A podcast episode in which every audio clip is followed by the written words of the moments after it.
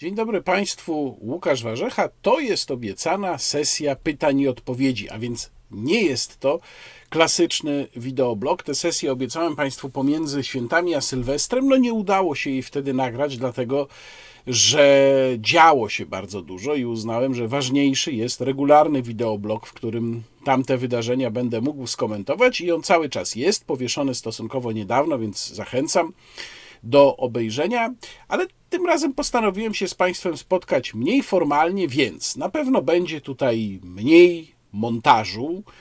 Na pewno to będzie długie, bo pytań dostałem od Państwa mnóstwo. To jest chyba 9, niecałe 9 stron, gdzie sobie je wydrukowałem. Tak jak obiecałem, będę odpowiadał na prawie wszystkie pytania zadane przez y, moich mecenasów y, szanownych, za których mecenat bardzo dziękuję. E, zaraz powiem, dlaczego prawie wszystkie, a nie wszystkie kompletnie.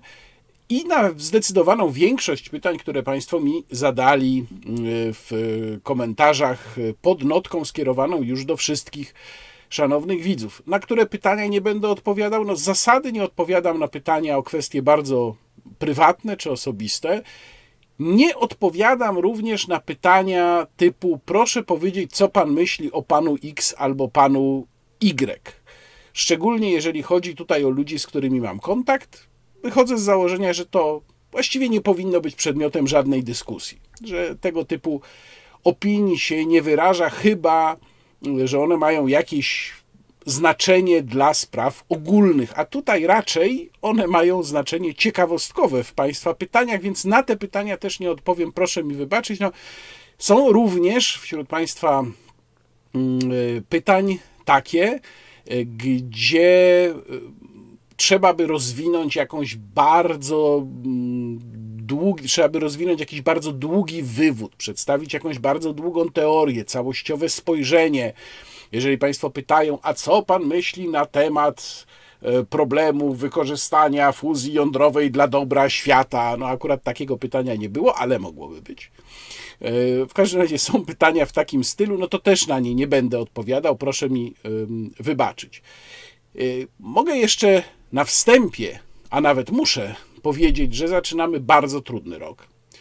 To będzie rok dla polskiej gospodarki fatalny. Mnóstwo biznesów będzie ledwo przędło z wielu powodów, o których będę na pewno mówił w kolejnym normalnym wideoblogu. Już dzisiaj widać, że e, te propozycje cen gazu, które dostają przedsiębiorcy, prądu również, ale gazu przede wszystkim, są dla wielu z nich absolutnie wykańczające, a jednocześnie dostają w głowę polskim ładem i kumulacja tych dwóch czynników, do której doprowadził rząd PiS, ponieważ nie był gotowy wycofać się z wprowadzenia polskiego ładu, przynajmniej cof, poczekać przynajmniej rok. Z tym no, będzie dla polskiej gospodarki dramatyczna, zwłaszcza dla tego rdzenia polskiej gospodarki, którym są małe e, i średnie firmy. Nawiasem mówiąc, w najbliższym programie Polska na serio będę o tym właśnie rozmawiał z moim gościem Marcinem Nowackim ze Związku Przedsiębiorców i Pracodawców. No i pomyślałem, że zrobimy to nagranie, tę sesję pytań i odpowiedzi w trochę swobodniejszej atmosferze niż zwykle nagrywam wideoblog. E, trudno może o swobodniejszą atmosferę, skoro to jest to samo miejsce, moje biurko i wszystko jest tak samo jak zwykle, więc e, ten nastrój pewnej swobody wprowadzi to, że jak powiedziałem chyba już, a może jeszcze nie. Będzie tutaj na pewno mniej montażu, więc jeżeli będę na przykład potrzebował napić się kawy, to się jej napiję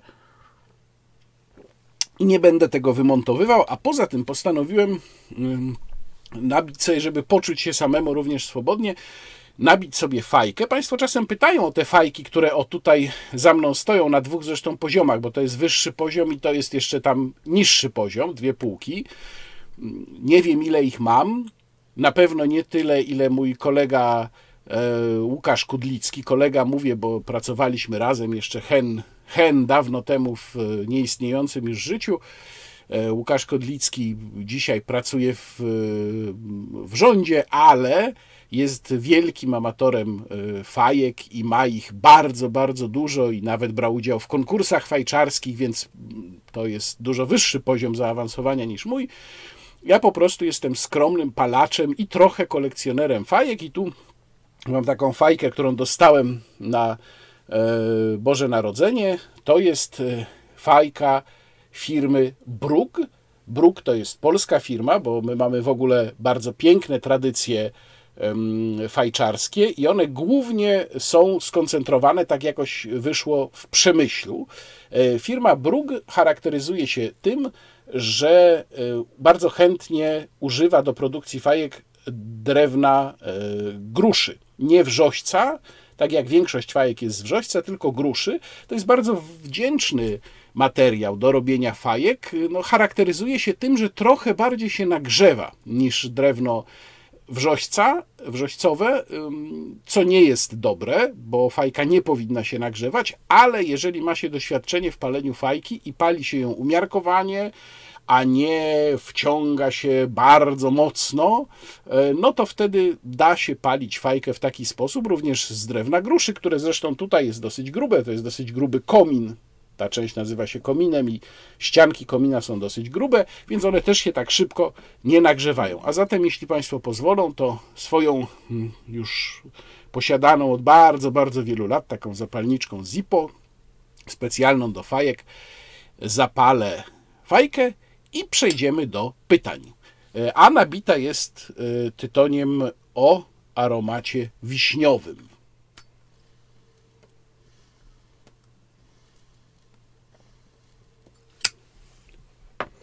Będzie trochę dymu, który zakłóca tutaj e, widok, ale w końcu nie muszą Państwo cały czas na mnie patrzeć, bo chyba ważniejsze jest to, co będę czytał i co będę odpowiadał.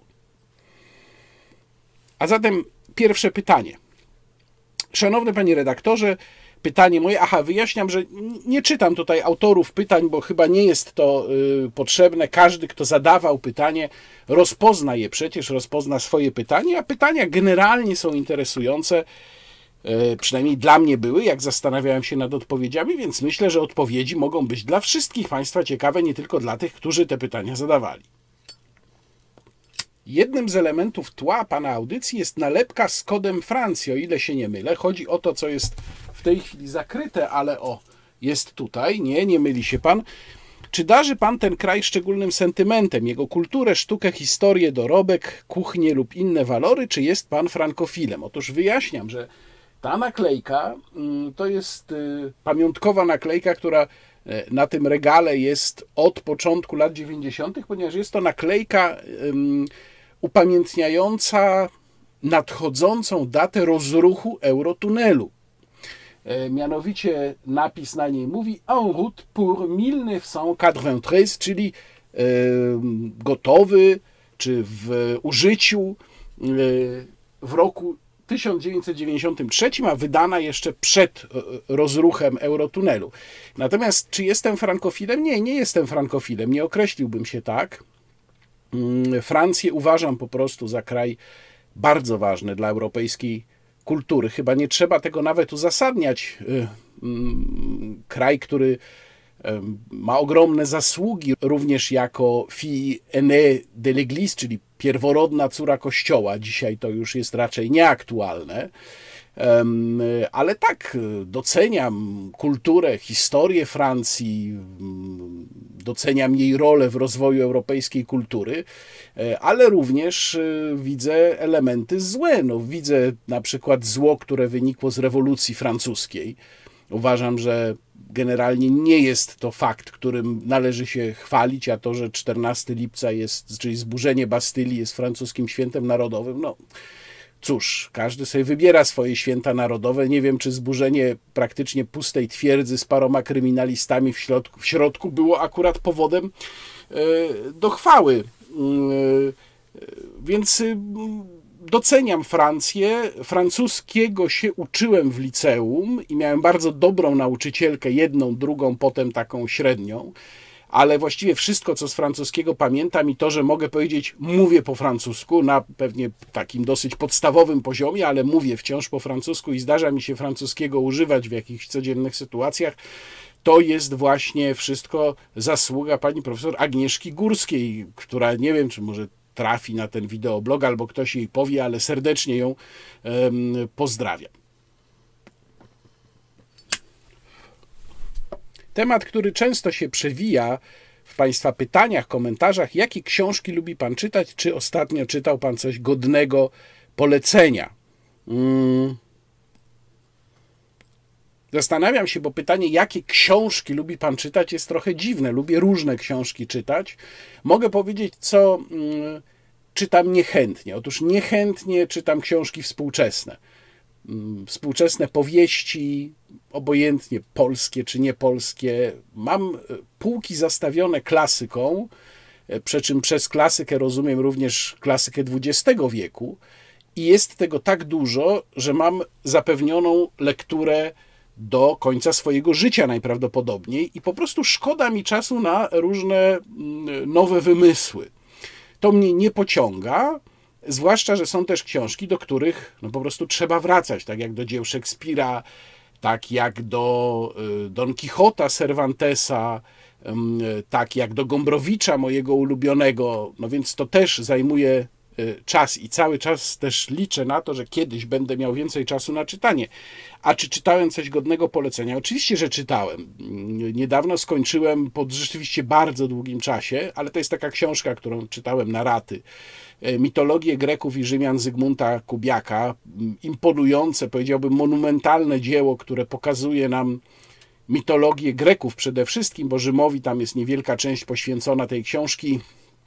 W całym jej rozwoju, to znaczy pokazuje, że to nie jest trochę tak, jak Parandowski to przedstawił w swojej mitologii, jakiś jeden zwarty, gotowy obraz, tylko pokazuje, jak to się wszystko e, tworzyło. Mm, pierścień rybaka Żana Raspaja, o którym opowiadałem Państwu w e, swoim jednym ze swoich poprzednich wideoblogów. E, koniec zgody narodów Teodora Parnickiego. W ogóle zacząłem się zaczytywać w Parnickim, choć najłatwiejszym e, pisarzem on nie jest. Kiedyś mówiłem również o tym, że odkryłem w wieku dopiero 30 paru lat Józefa Konrada, Józefa Korzeniowskiego dla siebie, więc no, cały czas jest coś ciekawego, coś do przeczytania. W tej chwili na przykład zabrałem się za klasykę znów niepolską, klasykę, czyli Moby Dicka Hermana Melvilla, książka, której nigdy nie czytałem.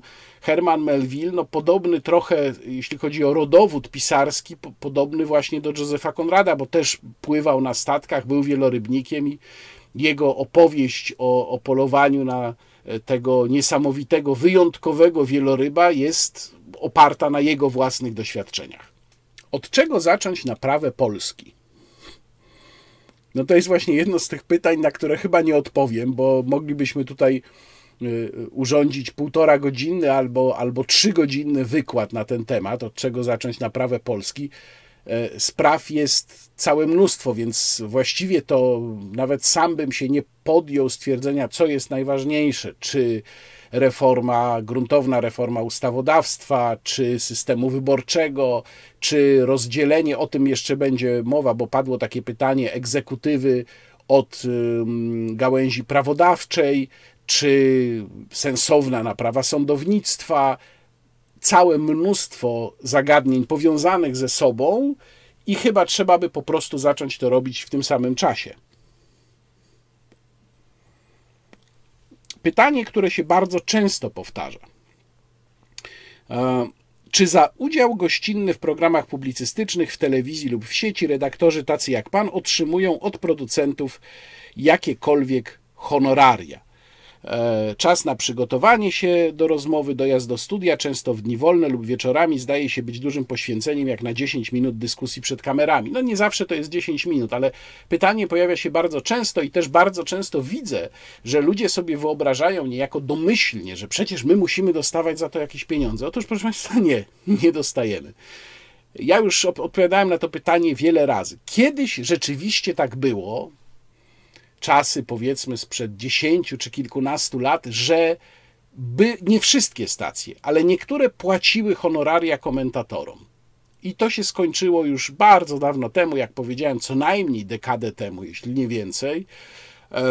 Można liczyć na transport w większości mediów. To znaczy podeślą taksówkę i taksówka odwiezie, i to jest wszystko.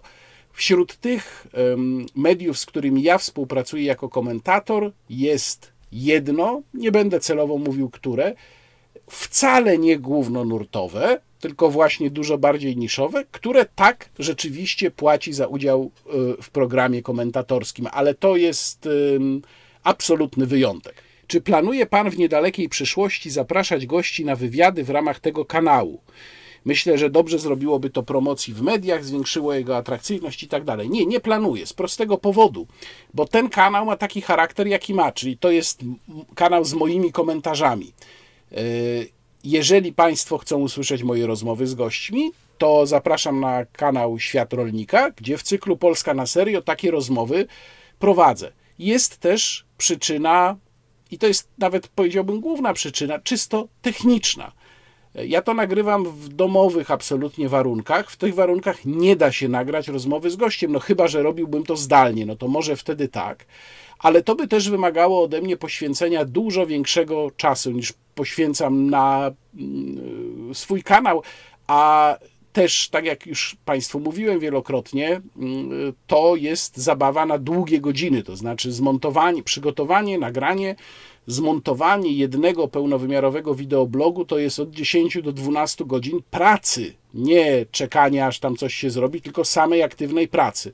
W przypadku rozmów myślę, że byłoby to znacznie więcej, więc to jest powód, dla którego na szczęście mam tę sytuację, że świat rolnika to jest moje miejsce, jedno z moich miejsc.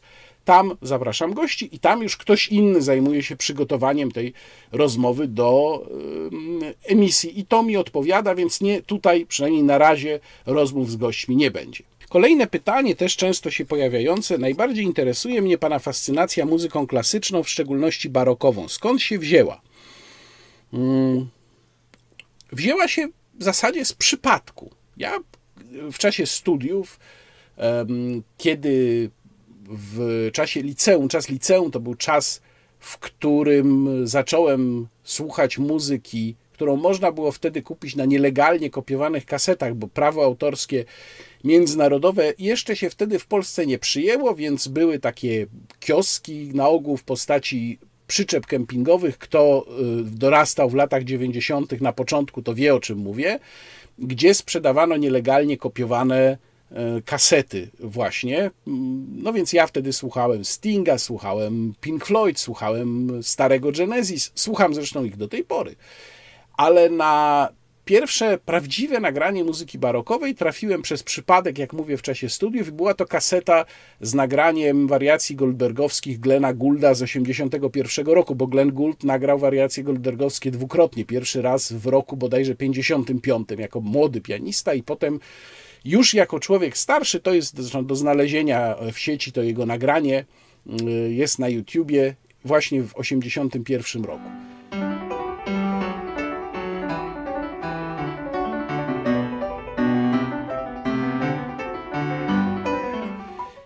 ja dzisiaj wiem, zresztą wiedziałem to już jakiś czas później, kiedy zacząłem się tym bardziej interesować, że to jest raczej wariacja na temat wariacji, bo to po pierwsze Glenn Gould grał to na fortepianie, Bach jednak miał do dyspozycji klawesyn i pisał swoje utwory z myślą o klawesynie, więc y, również z taką charakterystyką E, wykonawczą, z taką charakterystyką dźwięku, jaka jest na klawesynie. No i Glenn Gould miał bardzo specyficzną metodę interpretacyjną, więc to też powoduje, że to jest takie nagranie, no właśnie bardziej wariacja o wariacjach, a nie y, rzeczywiście wariacje goldbergowskie. I jakoś od tego wzięła się ta fascynacja. Ja miałem szczęście, bo trafiłem, kiedy zacząłem chcieć kupować później płyty, E, parę lat później, to trafiłem na e, dobrych doradców. Właściwie to nie było nawet parę lat później, to było prawie że od razu. Jakoś tak mnie to, to nagranie wciągnęło, że chciałem zobaczyć, jak to w ogóle jest, co to jest za muzyka. I trafiłem na bardzo dobrych doradców. Jednym był mój mm, szef z redakcji, z życia, który rzeczywiście bardzo się interesował e, muzyką dawną wówczas. Potem tam jakoś się przesunął w, nowsze klimaty. E, muzyczne i y, drugim był, było właściwie, był, był i drugim doradcą był sprzedawca ze sklepu, który nie pamiętam jak się nazywał, ale był przy Kruczej, już tego sklepu dawno nie ma. E, I ten pan, historyk sztuki zresztą, dla którego to nie jest główne zajęcie, sprzedawanie płyt, robi to przy okazji. Do tej pory mam z nim kontakt. On w tej chwili prowadzi stoisko płytowe po wielu tam różnych zmianach. W międzyczasie miał też sklep przez jakiś czas ze swoim kolegą, już własny. Po wielu zmianach prowadzi stoisko płytowe w takiej mm, księgarni przy placu Unii Lubelskiej. Tam trzeba zejść y, na dół i jest to stoisko płytowe, które Państwu polecam, bo mało jest tak kompetentnych ludzi. Y, link do y, profilu facebookowego jego sklepu zamieszczę Państwu w opisie filmu. No i później zaczęło się zdobywanie wiedzy. To między innymi z wkładek do płyt, gdzie naprawdę jest mnóstwo wiedzy, jeżeli chodzi o muzykę klasyczną, ale także z książek i coraz większa świadomość tego, czego się słucha, na czym polega tak zwana historyczna praktyka wykonawcza, chodzenie na koncerty itd., tak itd. Tak no i to wszystko prowadzi mnie do obecnego um, etapu. Ja się raczej nie posuwam, tak, nie, nie rozszerzam tego swojego zainteresowania muzycznego, jeżeli chodzi o czas bardzo w przód i w tył, ale trochę tak, to znaczy no jestem w stanie na przykład słuchać Mozarta, chociaż na przykład Haydna to już nie mm, i bardzo jestem w stanie słuchać renesansu, to już od dawna, to już jest nie tylko barok, ale właśnie renesans albo przełom renesansu e, i baroku. Ostatnio szczególnie jestem zafascynowany e, Josquenem Depre. Kolejna sprawa, bardzo ciekawe pytanie. Proponuję poruszyć temat y, aktualny, wielowątkowy. Chodzi o możliwość głosowania osób od lat mieszkających za granicą. Jasne, że nadal mają obywatelstwo i prawa wyborcze, ale czy etyczne jest, żeby ktoś, kto w latach 70. wyjechał na przykład do USA, nie zna polskich realiów i nie zamierza tu wracać, wybierał nam polityków samemu, nie ponosząc konsekwencji swego wyboru? Hmm. Pamiętam, że bardzo dawno temu napisałem taki tekst y, na Salon 24 gdzie stawiałem tezę, że osoby mieszkające na stałe za granicą powinny stracić czynne prawa wyborcze i spotkał mnie za to straszliwy hejt. Ale to jest bardzo dobre pytanie i chyba zajmę się nim w mm, którymś z kolejnych tekstów na blogu Wei, bo tak, ja uważam, że pan ma rację. To znaczy uważam, że brak jakiejkolwiek granicy czasowej, jeżeli chodzi o posiadanie czynnych praw wyborczych w Polsce dla polskich obywateli, którzy mogą od dekad mieszkać poza Polską, to jest problem. I tego rzeczywiście nie powinno być. Tu się absolutnie zgadzam. Ja bym ustalił tu dosyć liberalne kryteria, to znaczy ustalił kryterium na przykład dekady. Jeżeli od dekady nie przebywa się na terytorium Polski, nie płaci się w Polsce podatków, to się traci czynne prawa wyborcze. Żeby je odzyskać, trzeba wrócić na przykład na 5 lat, na 2 lata. To już jest do dyskusji. I dopiero potem odzyskuje się znów te prawa wyborcze, no powiedzmy właśnie na mm, dekadę. Więc tak, zgadzam się z Panem, to jest problem. Przeczytałem niedawno informację cytującą wypowiedź lekarki w kontekście informacji o warunkowym dopuszczeniu wiadomej substancji dla dzieci od lat 5 E, pani e, zakaźnik, dr Lidia Stopyra. Szczepiąc nic nie ryzykujemy, rezygnując z tego ryzykujemy bardzo dużo. Każdy średnio rozgarnięty człowiek wie, że nawet przyjęcie aspiryny wiąże się z jakimś ryzykiem, co zresztą zawarte jest w ulotce. Czy według pana nie jest to naruszenie zasad etyki lekarskiej? No, na ten temat musiałaby się wypowiedzieć Okręgowa Izba Lekarska, ale no, e, ewidentnie pani doktor mówi nieprawdę. Oczywiście nie jest prawdą, że przyjmując substancję nie ryzykujemy niczego. Będą jeszcze pytania o te sprawy w dalszym ciągu e, naszego, naszej sesji, pytanie odpowiedzi. Czy nie kusiło Pana napisanie książki o tematyce ogólniejszej, syntetyzującej spojrzenie na interesujące Pana tematy, czy też lepiej czuje się Pan w komentowaniu bieżącej rzeczywistości? Ależ oczywiście nie tylko, że mnie kusiło, ale też zamierzam coś takiego wydać i mam nadzieję, że właśnie mi się to uda w tym roku, bo komentowanie komentowaniem, no rzeczywiście człowiek pisze bardzo dużo, ale no ja chciałbym mm, nie tyle zebrać te materiały, czyli zrobić kompilację swoich y, tekstów, chociaż one są materiałem do takiej książki, ale zebrać to, ale też przetworzyć, opracować i dać Państwu coś nowego, dać Państwu jakąś nową jakość i wartość dodaną.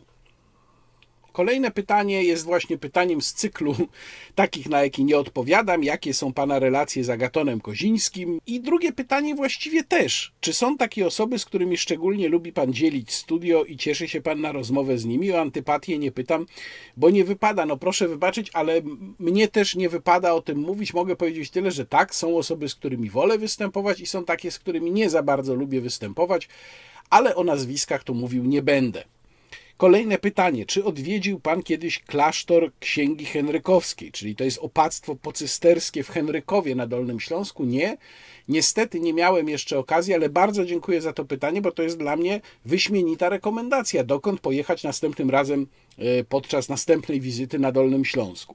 Biorąc pod uwagę Pana sympatię, mm, o ile jest to właściwe słowo, do Konfederacji, nie, to nie jest właściwe słowo. Po prostu, jak Państwo wiedzą, ja oceniam ugrupowania polityczne pod kątem tego, na ile uważam, że e, robią rzeczy słuszne, czyli nie mam sympatii partyjnych. Konfederacji też zdarzało się popełniać błędy, ja je wtedy wytykałem, natomiast mogę powiedzieć, że pewnie gdybym miał procentowo określać swoją zgodność, tak mi to zresztą w różnych tekstach, testach y, poglądów politycznych wychodziło, no to pewnie by wyszło, że procentowo ona jest rzeczywiście y, tutaj największa, ale to nie znaczy, że to jest jakaś sympatia. I czytam dalej dalszy ciąg pytania. I własne doświadczenia z czasów działalności w UPR i SPR, to czy poleciłby Pan włączenie się w tworzenie struktur, choćby jako zwykły członek partii? Jak ocenia Pan tamten okres w zestawieniu z Pana dzisiejszą wiedzą i zebranym doświadczeniem? To były zupełnie inne czasy, więc moim zdaniem nie można przenosić tego na czasy dzisiejsze. Natomiast tak, zdecydowanie polecam Państwu włączenie się w życie publiczne, niekoniecznie jako członek partii, również można to robić jako członek stowarzyszenia pozarządowego, ale uwaga, jeżeli organizacja pozarządowa, to proszę szukać takich, które nie płyną z głównym nurtem. Na przykład, wbrew pozorom, e, e, tworzy się całkiem spory nurt organizacji pozarządowych, które stawiają tamę bezczelności takich klasycznych aktywistów miejskich, którzy chcieliby nam wszystkie ulice pozwężać, zabrać miejsca parkingowe, zabronić wjazdu do centrów miast samochodami, więc proszę szukać na przykład takich organizacji, takich jak warszawska Lubię Miasto, ale to nie jest nawet w Warszawie jedyna tego typu organizacja i w innych miastach też takie są, więc bardzo polecam, tak trzeba to robić, bo inaczej wejdą nam na głowę. Kolejne pytania trzy pytania dużego kalibru do wolnościowca, jak napisał ich autor. Jakie jest Pana zdanie na temat tak zwanej legalizacji bądź braku y, zakazu bez legalizowania ustawowego, co obywatel może pić, połykać, palić, substancji wiadomych, miękkich i ciężkich, nie mówię jakich, bo tutaj algorytmy czuwają, prawda? Y, odpowiadam, ambiwalentny. Z jednej strony rozumiem logikę, nawet taką rozmowę zrobiłem z, ze zwolennikiem takiej, takiego podejścia w, kiedyś w Polska na serio. E, był, był Mikołaj Pisarski z Instytutu Ludwiga von Misesa, mogą Państwo znaleźć, a jeśli ja znajdę, to też zalinkuję w opisie filmu. Ale z drugiej strony nie mam pełnego przekonania na podstawie konkretnych danych z krajów, gdzie taką decyzję podjęto, i to też w tej rozmowie zostało wybite, że nie wiązałoby się to z bardzo negatywnymi skutkami dotyczącymi przestępczości, bo to jest taki mechanizm, że ponieważ w większości państw to jest nielegalne, to jeżeli w jednym państwie by się stało legalne, to ryzykowalibyśmy, że to państwo stanie się takim przestępczym hubem. No, Także mówię, moje uczucia to są ambiwalentne. Drugie pytanie. Czy państwo powinno ograniczać działanie firm zagranicznych w celu ochrony firm polskich? Czy interes konsumenta, na przykład tańsze owary, towary, jest ważniejszy? Doprecyzowując, pomijam e, rynek mediów. No, ja w przypadku rynku mediów nie uważam, żeby trzeba ograniczać działanie zagranicznych podmiotów, a na pewno nie tych, które już działają. Natomiast generalnie nie, uważam, że państwo nie powinno chronić polskich podmiotów, ale nie powinno dawać preferencji podmiotom zagranicznym. Czyli to, czym się najbardziej chwali i poprzedni rząd się chwalił, i obecny się chwali, czyli tu daliśmy preferencyjne warunki, proszę bardzo, mamy tam fabrykę mm, Toyoty, prawda, czy tam jakiejś innej wielkiej firmy, prawda, w Polsce tutaj, bo daliśmy im ulgi. Nie Wszystkie podmioty na tych samych warunkach, proszę bardzo. Nie jesteśmy protekcjonistyczni, nie zamykamy naszego rynku, ale jak chcecie tu inwestować, to na tych samych warunkach. Przy czym ja bym oczywiście wolał, żeby wszyscy mieli warunki, które są dziś uznawane za preferencyjne. Żeby wszyscy mieli na przykład zwolnienie, e, zwolnienia podatkowe, czyli de facto, żeby po prostu podatki dla przedsiębiorców zostały obniżone.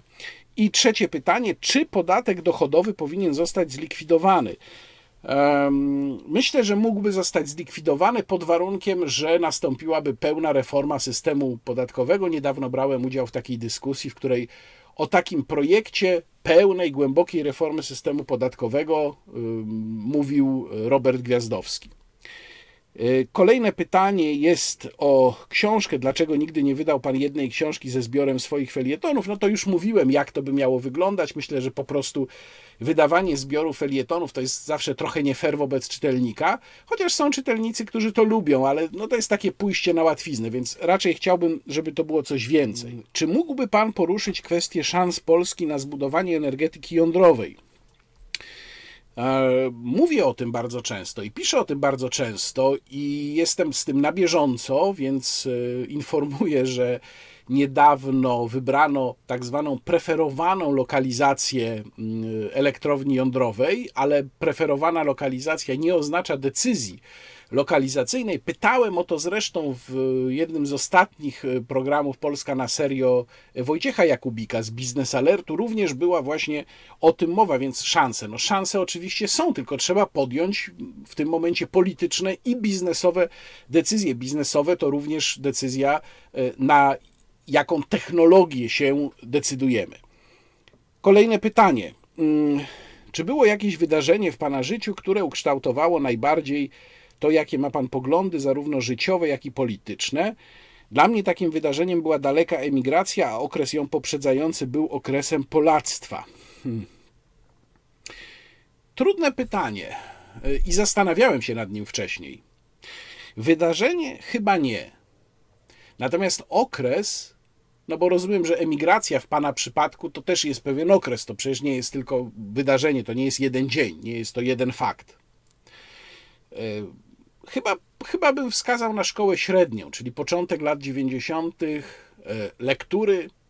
Witold Gombrowicz, mój ulubiony pisarz, do tej pory uważam, że niezwykle istotny mm, właśnie mm, fascynacja ideami wolnorynkowymi, Unia Polityki Realnej. Tak, myślę, że to był chyba taki okres, ten, ten okres budowania trzeciej RP i zdobywania pewnej świadomości politycznej, ale też dojrzewania intelektualnego. To chyba było najbardziej kształtujące, no bo też moje pokolenie nie ma jakiegoś takiego przełomowego doświadczenia. Rok 89 takim doświadczeniem nie był. Ja miałem wtedy 14 lat, no więc jeszcze byłem za młody, choć pamiętam to dosyć świadomie. Więc chyba tak, wskazałbym na okres szkoły średniej. Co sądzi Pan o koncepcji armii nowego wzoru zaprezentowanej niedawno przez doktora Jacka Bartosiaka? Czy myśli Pan, że debata, którą Pan Bartosiak rozpoczął, ma szansę zostać przekuta na jakieś rzeczywiste zmiany w polskiej armii? Na drugie pytanie od razu odpowiadam nie. Sądzę, że nie ma żadnych na to szans bo pan Bartosiak to, co robi, no to robi po prostu dla siebie, dla swoich czytelników, dla swoich odbiorców. Na pewno nie robi tego w sensie, kto się tym przejmuje, dla polityków czy dla dowódców, którzy działają w, pewnym, pewnej rzeczywistości polityczno-instytucjonalnej. A co sądzę, bardzo trudno mi powiedzieć, bo mówiąc szczerze, po prostu tej koncepcji nie znam. Wywody pana Bartosiaka no, są bardzo obszerne i prawdę mówiąc, ja postanowiłem sobie, że to zostawiam na boku. No, nie mogę zajmować się wszystkim, ponieważ nie znam tej koncepcji, więc trudno mi się na jej temat wypowiadać. Kolejne pytanie, bardzo długie, mm, ale w sumie proste. Czy nie uważa pan, że brak faktycznego rozdziału władzy wykonawczej od ustawodawczej jest źródłem wielu patologii w systemie e, sprawowania władzy. E, nie będę już czytał całego pytania, bo ono ma, to jest taki długi akapit, ale tak, Zgadzam się absolutnie. I rzeczywiście tego tematu, tu zgodnie z tym, co też pisał pytający, tego tematu właściwie się nie podejmuje, uznając za taką oczywistość, że posłowie są ministrami, że poseł jest jednocześnie premierem. No tylko, żeby zrobić z tym porządek i żeby władza wykonawcza była faktycznie tylko tym, czym powinna być, czyli żeby była po prostu gałęzią do realizacji y, projektów, które powstają w Sejmie, wyłącznie w Sejmie, no to trzeba by zmienić konstytucję. I ja jestem absolutnie zwolennikiem takiej zmiany. Y, premier, ministrowie nie mogą być jednocześnie posłami, y, skończyć z czymś takim jak rządowe projekty ustaw. Projekty ustaw tylko mogłyby powstawać w Sejmie. Uważam, że to by była bardzo dobra zmiana która by w dużej mierze ukróciła to, co nazywamy w skrócie, mówię tutaj, partyjniactwem. Więc dziękuję za to pytanie, ono jest też inspirujące i na pewno mm, o tym również w niedalekiej przyszłości napiszę. Chciałbym poznać Pana opinię na temat, na szczęście nieśmiałych póki co, prób wprowadzenia obowiązku przyjmowania substancji no moja opinia jest jednoznacznie negatywna, bo od początku uważam, że każdy powinien tutaj decydować sam za siebie i wykonywać swoją osobistą kalkulację. Ta kalkulacja w niektórych przypadkach wypada korzystnie, czyli uważamy, że tak warto przyjąć substancję, w innych wypada niekorzystnie, uważamy, że nie ma powodu, bierzemy pod uwagę różne czynniki. To powinna być kwestia absolutnie swobodnej decyzji obywatela. Intryguje mnie, jak pan sobie radzi z irytacjami, między innymi wynikającymi z tematów, którymi pan się zajmuje. Oprócz dzwoneczka z młoteczkiem. Jaka jest pana ulubiona forma relaksu? No więc ja muszę się przyznać, że wewnętrzna irytacja, by nie użyć tu mocniejszego słowa, taka yy, rzeczywiście intensywna, jest dla mnie motorem napędowym bardzo często do pisania. Więc ja radzę sobie z tym, starając się stworzyć czytelny wywód na papierze, dlaczego coś jest głupie, dlaczego coś jest niemądre, dlaczego coś nie powinno wejść w życie. To jest mój główny sposób. Ale jakie są metody relaksu? No jest ich kilka. E, strzelectwo to jeden, jedna metoda, druga kiedy skupiam się na słuchaniu muzyki, bo często pracując słucham muzyki, ale ona wtedy jest w tle. To zresztą nie jest wcale mm, jakoś szczególnie sprzeczne z jej pierwotną funkcją, bo przecież w baroku y, muzyka, no zwłaszcza ta świecka muzyka, często była muzyką do grania w tle. No tak jak Bach komponował dla Café Zimmermann, Kolegium mm, Musicum, które w Café Zimmermann miało swoje występy, no była to kawiarnia, więc tam też toczyło się normalne życie kawiarniane, a jednocześnie odbywały się bachowskie koncerty. Mm, I na pewno czytanie. Lubię to, lubię się oderwać i e, Czasem rzeczywiście biorę się za książki kompletnie rozrywkowe, takie jak na przykład Kryminały Marka Krajewskiego, e, choć to, co ostatnio przeczytałem z serii o młodym Eberhardzie Moku już tak średnio mnie wkręciło. Te starsze książki, czyli te, te pierwsze, te z serii, którą zapoczątkowało Festung Breslau, były jakoś bardziej wciągające, ale rzeczywiście mm, czytanie czasem również zupełnie poważnej literatury też jest dobrym sposobem na oderwanie się, więc przepraszam, no poza strzelectwem to chyba nie jestem tu jakoś specjalnie oryginalny. Jakie jest Pana zdanie na temat tak zwanej ustawy dezubekizacyjnej? Czy jest ona sprawiedliwa dziejowo? Czy może to przykład stosowania odpowiedzialności zbiorowej i wydawania wyroków bez wyroków? Mm. Na temat tej ostatniej ustawy dezubekizacyjnej, czyli tej pisowskiej, moje zdanie jest jak najgorsze. Ona pozbawiła um, ludzi, którzy często przepracowali w aparacie e, nawet tydzień przed datą graniczną wyznaczoną przez ustawę, pozbawiła ich wypracowanej później emerytury, wypracowanej uczciwie dla trzeciej RP. E, to jest moim zdaniem ustawa skandaliczna, która w sposób niedopuszczalny w normalnym, poważnym państwie odbiera uczciwie nabyte prawa, które to państwo potwierdziło po 1989 roku, bo jeżeli komuś pozwoliło pracować na przykład w policji, po 89 roku, to potwierdziło, że ten ktoś jest godny zaufania, że on może dla tego państwa pracować. I to, że potem sobie przyszedł PiS, który postanowił na tym zbić polityczny kapitał i zrobił z tego po prostu populistyczny cyrk, no to jest zupełnie inna sprawa. Więc absolutnie ta ustawa jest moim zdaniem do skasowania i do cofnięcia. To powinna być kwestia indywidualnych decyzji na podstawie indywidualnych spraw. Panie Łukaszu, czy bywa pan w rodzinnej łodzi? A jeśli tak, to gdzie można na pana wpaść? Bywam, no bo mam tam rodzinę cały czas, natomiast nie mam jakichś stałych miejsc i w ogóle, jeżeli jestem w łodzi, to raczej siedzę u rodziny, a nie chodzę gdzieś po kawiarniach.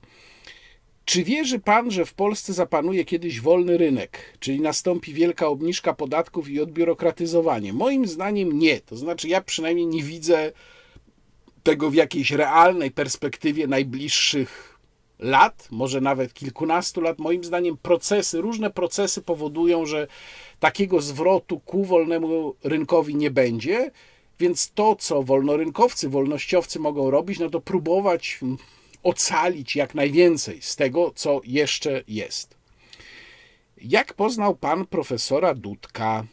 Zacząłem się zastanawiać nad tym, czytając to pytanie, i nie jestem pewien, bo znamy się bardzo długo, ale wydaje mi się, że poznaliśmy się chyba tak jak zresztą ja poznałem wielu, wiele osób z głośnymi dzisiaj nazwiskami, kiedy pracowałem w życiu, bo Antoni wtedy był, e, no jeszcze był doktorem, nie był profesorem i komentował dla życia. I ja byłem osobą pracującą w życiu w dziale opinii, więc ja często o te opinie prosiłem i, i, i tak się poznaliśmy. Też chyba zrobiłem z Antonim kilka wywiadów, wtedy to musiałbym sprawdzić swoje stare pliki tekstowe, które gdzieś tam w komputerze mam, ale e, wydaje mi się, że to było wtedy, choć musiałbym to jeszcze z Antonim zweryfikować.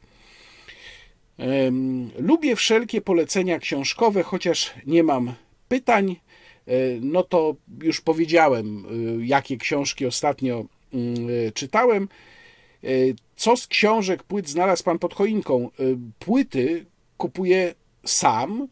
Natomiast z książek to zupełnie rzecz wydawałoby się, no nie wiem, może to Państwa zaskoczy, ale znalazłem między innymi książkę o różnych ciekawostkach związanych z polskimi kolejami państwowymi. Ja się koleją zawsze interesowałem i w ogóle lubię książki o kolei. E, tam o niektórych rzeczach wiedziałem. No, na przykład mm, tekst o Lux Torpedzie mm, nie był dla mnie aż tak zaskakujący, mm, ale już y, chociażby tekst o słynnym parowozie zwanym, e, czy to jeden egzemplarz, który się ostał, był nazywany Piękną Heleną. Wielki rzekomo sukces polskiej techniki parowóz w takich charakterystycznych osłonach aerodynamicznych, który zdobył w latach 30. medal na wystawie techniki w Paryżu, okazuje się tego się właśnie dowiedziałem z tej książki, że on wcale takim cudem techniki nie był. Generalnie był dosyć nieefektywny, zwłaszcza ta wersja w osłonach aerodynamicznych, która była szybka, ale była nieefektywna. Mm, I już lepsza była wersja, drugi egzemplarz, który powstał bez tych właśnie aerodynamicznych mm, osłon. Moje pytanie dotyczy redakcji TVP Info i pracujących tam dziennikarzy. Czy Pana zdaniem są tam jeszcze ludzie, o których można powiedzieć, że mają warsztat i są nieźli w swoim fachu? Jeśli tak, to którzy konkretnie? Nie odpowiem na to pytanie szczegółowo, bo TVP Info nie oglądam, żeby się za bardzo nie denerwować, bo tak jak mówiłem, oczywiście irytacja jest dla mnie jakimś motorem napędowym, ale wszystko w swoich granicach i mówiąc szczerze, nie. Myślę, że TVP Info to jest jednostka propagandowa, w której już chyba nie ma miejsca dla normalnych dziennikarzy, to znaczy takich, którzy mm, w jakiś sposób wykonują rzetelnie e, swój fach, ale to nie znaczy, że w całej telewizji polskiej takich ludzi nie ma, bo takich pewnie poukrywanych w różnych miejscach w TVP, w tym w tej wielkiej instytucji, trochę by się jeszcze znalazło. Dlaczego większość dziennikarzy nie zachowuje obiektywizmu w kwestii pandemii. Skala propagandy jest porażająca. Co się stało z logicznym myśleniem? No myślę, że to pytanie można by zgeneralizować nie tylko w kwestii pandemii, w, w mnóstwie innych spraw, nie wiem, kwestiach ekologii na przykład, czy nawet ściśle pojmowanej sensu stricto polityki. Odpowiedź znów musiałaby być bardzo szeroka, bo musielibyśmy się zająć analizą tego, jak działają media, a na to tutaj po prostu nie ma czasu. Nie ma tutaj jednej prostej, łatwej odpowiedzi, którą można by podać w kilku zdaniach. To jest cały splot bardzo negatywnych mechanizmów działających w dzisiejszych mediach. Mm, dlaczego nie ma pan Patronite? Dlaczego nie ma pana na Patronite? Bo Patronite nie zniechęciło. Ja próbowałem założyć konto na Patronite, kiedy y, postanowiłem poprosić o wspieranie mojego kanału, poprosić moich widzów, czy może bardziej zaproponować taką możliwość moim y, widzom. Y, no i zacząłem tworzyć profil na Patronite. Wydawało mi się, że ten profil jest pełny i wtedy zacząłem od Patronite dostawać wiadomości, a uzupełnij, a powiedz coś więcej o sobie. No, uznałem, że po prawie 25 latach w dziennikarstwie, jak Patronite mnie prosi, żebym coś więcej o sobie powiedział, to chyba ja dziękuję bardzo. I y, zrezygnowałem z zakładania profilu na Patronite, a przy okazji przypominam, że jeżeli ktoś chciałby zostać mecenasem kanału, to może to zrobić poprzez mechanizm na YouTubie. Myślę, że nadejdzie taki moment, kiedy jeszcze uruchomię jakieś inne mechanizmy wsparcia. Państwo często pytają, o po prostu o numer konta. Zobaczymy. Niewykluczone, że to się wkrótce stanie. E, czy przyjął Pan szczepionkę na C19? Jeśli tak, jaką i ile dawek? Jak mówiłem wielokrotnie, uważam, że e, status przyjęcia substancji jest prywatną sprawą każdej osoby i celowo, konsekwentnie, od samego początku nie mówię publicznie o tym, czy tak, czy nie, i tutaj też o tym nie powiem. Jak wierzyć w jakąkolwiek politykę w momencie, gdy pięć największych korporacji mm, ma więcej pieniędzy niż PKB roczny wszystkich krajów świata, nie mówiąc o ich wpływach i możliwościach wpływania na każdy aspekt naszego życia? Czy polityka to tylko teatr dla gawiedzi? Czy wyczekuje pan kogoś godnego i z honorem, kto poprowadzi nas wszystkich do lepszych czasów? Czy może wie pan, że mm, na nic takiego nie ma już szansy, że jest już za późno? Myślę, że sprawa jest bardziej skomplikowana. Oczywiście wpływy wielkich korporacji są gigantyczne i problemem jest to, że łatwo jest lobbować niewielkiej grupie ludzi u niewielkich grup ludzi.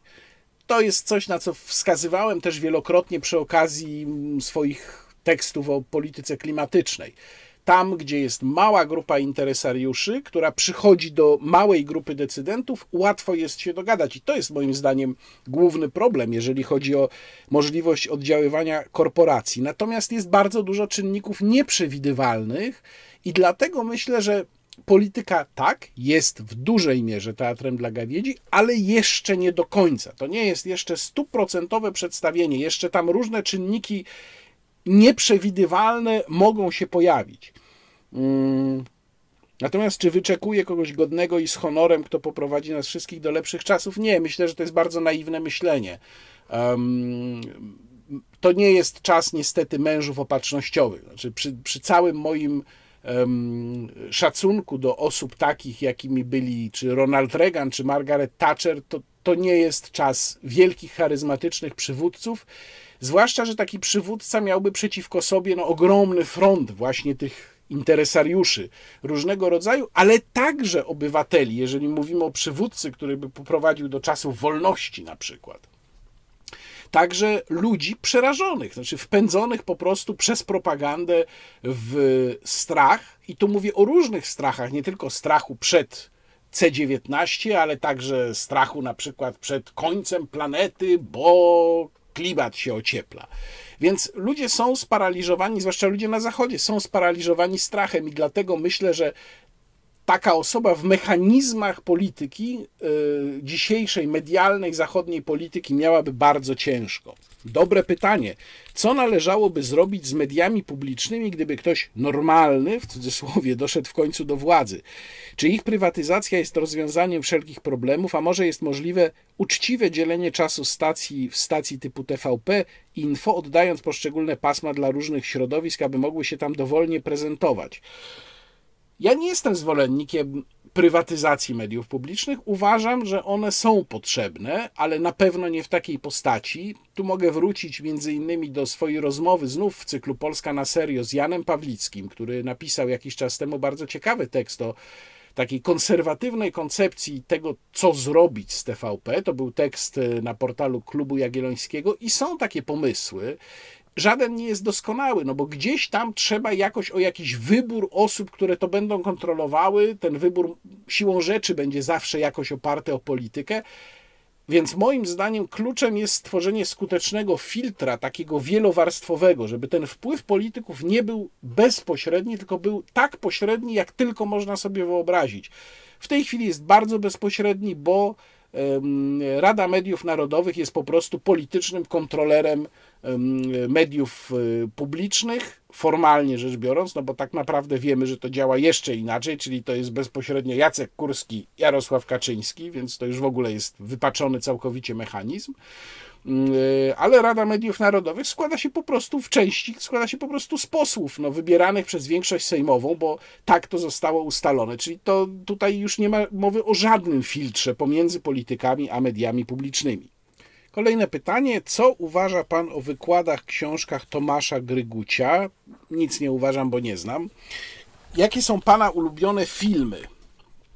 No tutaj musiałem się zastanowić i wypisałem sobie kilka, e, ale to jest tylko kilka, bo pewnie mógłbym wypisać dużo więcej. Więc pierwsza, pierwsza odpowiedź, która absolutnie nasuwa mi się od razu, natychmiast, to jest Rosenkrantz and Guildenstern are Dead. Nie wiem, czy ten film ma w ogóle polską wersję. Mm, e, Rosenkrantz i Guildenstern nie żyją e, według sztuki Toma Stoparda. Oh, you mean you pretend to be him.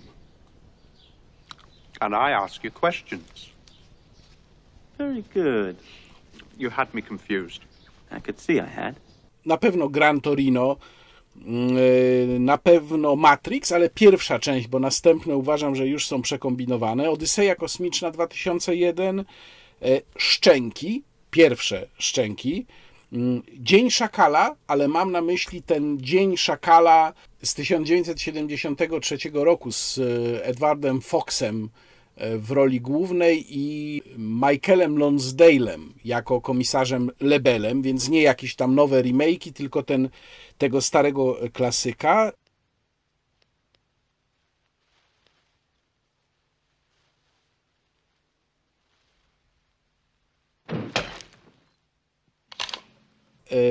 Zakochany Szekspir. Mm, jak rozpętałem II wojnę światową, Giuseppe w Warszawie, E, no na pewno kanon Barei.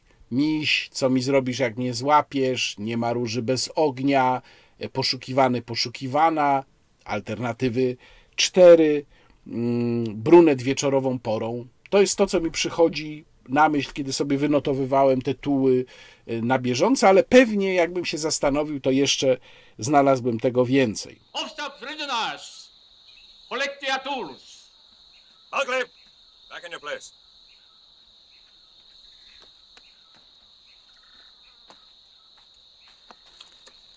I must call your attention, Colonel Saito, to Article 27 of the Geneva Convention. Czy obecny spis, w którym trzeba podać, czym ogrzewamy mieszkanie, będzie służył Unii Europejskiej do, mówimy o spisie powszechnym, do nałożenia na społeczeństwo podatku za emisję CO2? Czy obecne działania globalistów mają znamiona wprowadzenia punktacji społeczeństwa, kody QR, przykład Chin? Co z aferą w Unii Europejskiej opisaną przez dziennikarza francuskiego, e, mówimy o tym tekście w Libération, e, Jean Quatremer był autorem tego tekstu i dokąd umiemy w gospodarce energetycznej, dokąd brniemy w gospodarce energetycznej, kto wyciągnie kto wyciągnie pieniądze za tworzenie elektrowni atomowej i farm wiatrowych na Bałtyku, czy damy radę podnieść z kolan? No to już jest bardzo ogólne pytanie, ale e, e, odpowiadając po kolei na pytania z listy mojego widza, mm, e, czy spis będzie. Nie, ja myślę, że spis nie ma służyć głównie temu. Spis ma służyć naszej władzy polskiej, E, natomiast bardzo jestem ciekaw, jak on poszedł, to znaczy na przykład ile osób zostało ukaranych za niewzięcie udziału. Na pewno budzi wątpliwości to, że po pierwsze on po raz pierwszy dotyczył wszystkich Polaków, ja o tym mówiłem w swoim wideoblogu, i lista pytań która była bardzo długa. E, kolejna kwestia, czy znamiona działania globalistów mają znamiona wprowadzenia punktacji społeczeństwa. No, z całą pewnością może to być wstęp do jakichś działań prowadzących do dalszej kontroli, czy do punktacji, takiej na wzór chiński, bo tamten system rzeczywiście działa i jest bardzo złowrogi. Nie wiem, ale ja jestem zwolennikiem dmuchania w tych kwestiach naprawdę na zimne. Co z aferą opisaną przez Żana Katremera? Ano nic. Y, no to jest trochę tak, że mm, ja mam, ja nie czytałem tego tekstu, od razu zastrzegam, czytałem tylko o tekście, czyli moja wiedza jest zapośredniczona. Ja mam takie poczucie, że Jean Quatremer opisał pewne procesy, które poniekąd są wpisane w sposób działania różnych instytucji. No bo jeżeli Jean Quatremer pisze, że gdzieś tam spotykali się ludzie z różnych instytucji Unii Europejskiej, które teoretycznie powinny się nawzajem kontrolować i dogadywali pewne rzeczy, no to można zadać pytanie, a czym to się różni od sytuacji Polski? Gdzie też nieformalnie spotykają się ludzie z układu władzy, którzy nawet powinni się kontrolować, a mają ze sobą dobre układy i też dogadują pewne rzeczy.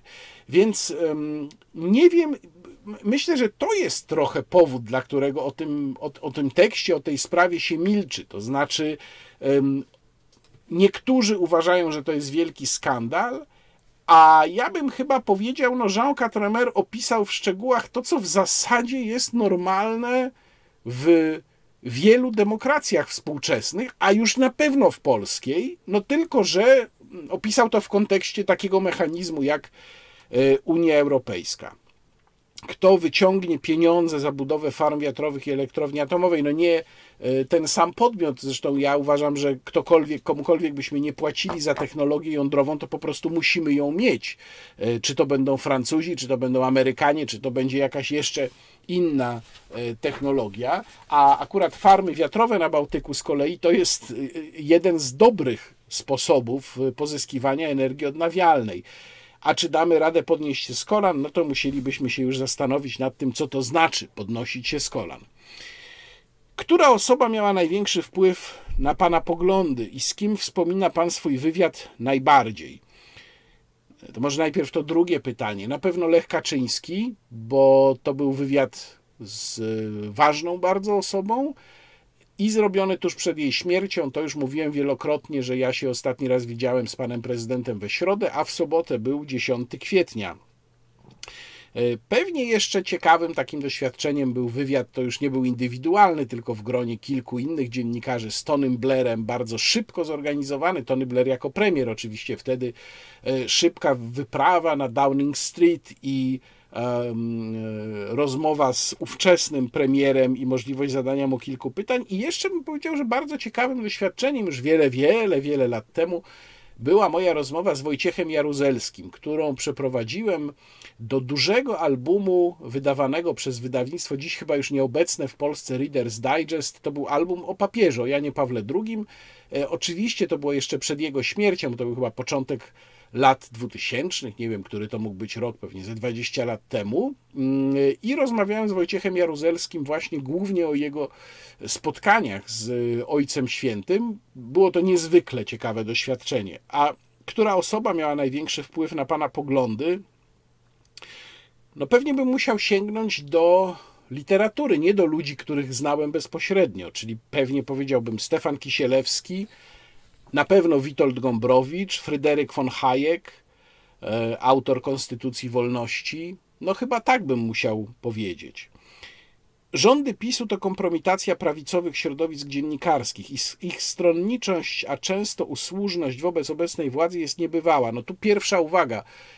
Prawicowe środowiska dziennikarskie, nie, ja myślę, że nie można tak mówić. To tak jak o PiSie nie możemy mówić, że to jest prawica. Czy prawicowe? Powiedziałbym, przyklejone do PiSu, bo to chyba one się głównie skompromitowały. Jak pan się odnajduje w tej sytuacji? Wywodzi się pan wszak z tych środowisk z wieloma kolegami, jest już chyba panu nie po drodze. Tak, potwierdzam rzeczywiście z wieloma i muszę z przykrością powiedzieć, że liczba takich znajomości, które się zakończyły w ciągu ostatnich sześciu lat, jest wyjątkowo duża. Następne pytanie które jest bardzo podobne do tego poprzedniego, chociaż zadała je zupełnie inna osoba. Dlaczego Pana zdaniem duża część konserwatywnych dziennikarzy, no to może już lepiej niż prawicowych, y, zaprzedała się niestety tej władzy i tak bezrefleksyjnie, usłużnie i z obrazą dla odbiorcy tłoczą ordynarnie tezy nie do obrony dla nawet średnio rozgarniętego widza, a szerzej mądra rada, co zrobić z TVP. No to o, o TVP, o mediach publicznych już mówiłem. A dlaczego? Myślę, że tutaj też nie ma jakiejś jednej łatwej, prostej odpowiedzi. Krótko bym powiedział, na pewno kasa, to z całą pewnością, bo ta władza jest gotowa. Zresztą poprzednia również, ale ta chyba jest wyjątkowo hojna, jeżeli chodzi o nagradzanie takich swoich propagandowych funkcjonariuszy. Myślę, że u części to jest też takie przekonanie trochę o łączeniu pożytecznego z przyjemnym. To znaczy, dostaje kasę, a przy okazji bronię, no nawet w sposób y, będący gwałtem na inteligencji, ale bronię władzy, która względnie, relatywnie moim zdaniem jest jednak lepsza, no tylko, że to też oznacza już wyjście z roli dziennikarza, który czymś takim po prostu nie powinien się zajmować. Um, czy określiłby się pan jako osoba uzależniona od Twittera? Samokrytycznie powiem, że chyba trochę tak. Chociaż mam takie okresy, i na przykład teraz to jest jeden z takich okresów, że rzadko tam zaglądam. Rzadko dla mnie to znaczy nie kilkadziesiąt, ale kilka razy dziennie. I są takie momenty, że Twitter mnie zniechęca. A ostatnio mam też takie chwile, że chciałbym, chcę coś wrzucić, nawet już piszę tweeta. Zdaję sobie sprawę, że za chwilę wokół tego tweeta będzie tak zwany shitstorm, czyli G burza, mówiąc po polsku, i kasuję, bo stwierdzam, że nie jest mi to do niczego potrzebne. Więc mam nadzieję, że jestem trochę uzależniony, ale nie za bardzo. Dwa pytania. Zwolennicy tej całej segregacji sanitarnej podali mi ostatnio taki przykład na dowód, że to wcale nie jest nowa koncepcja. Uzależnienie przyjmowania do przedszkola od szczepień na gruźlicę i inne choroby, nie na COVID, oraz kara finansowa y, dla rodzica za brak tych szczepień. Jest to rodzaj segregacji. No tak, y, tylko że on nie dotyczy całości praw publicznych. On dotyczy jakiejś jednej dziedziny, bardzo wyselekcjonowanej i dotyczy przyjmowania substancji tam, gdzie nie jest to kontrowersyjne, bo przecież my nie mówimy o ludziach, którzy w ogóle są anty, e, to znaczy ja uważam, że to jest margines. My mówimy o sceptycyzmie wobec tej, tej konkretnej substancji, w tym konkretnym kontekście, tej konkretnej epidemii.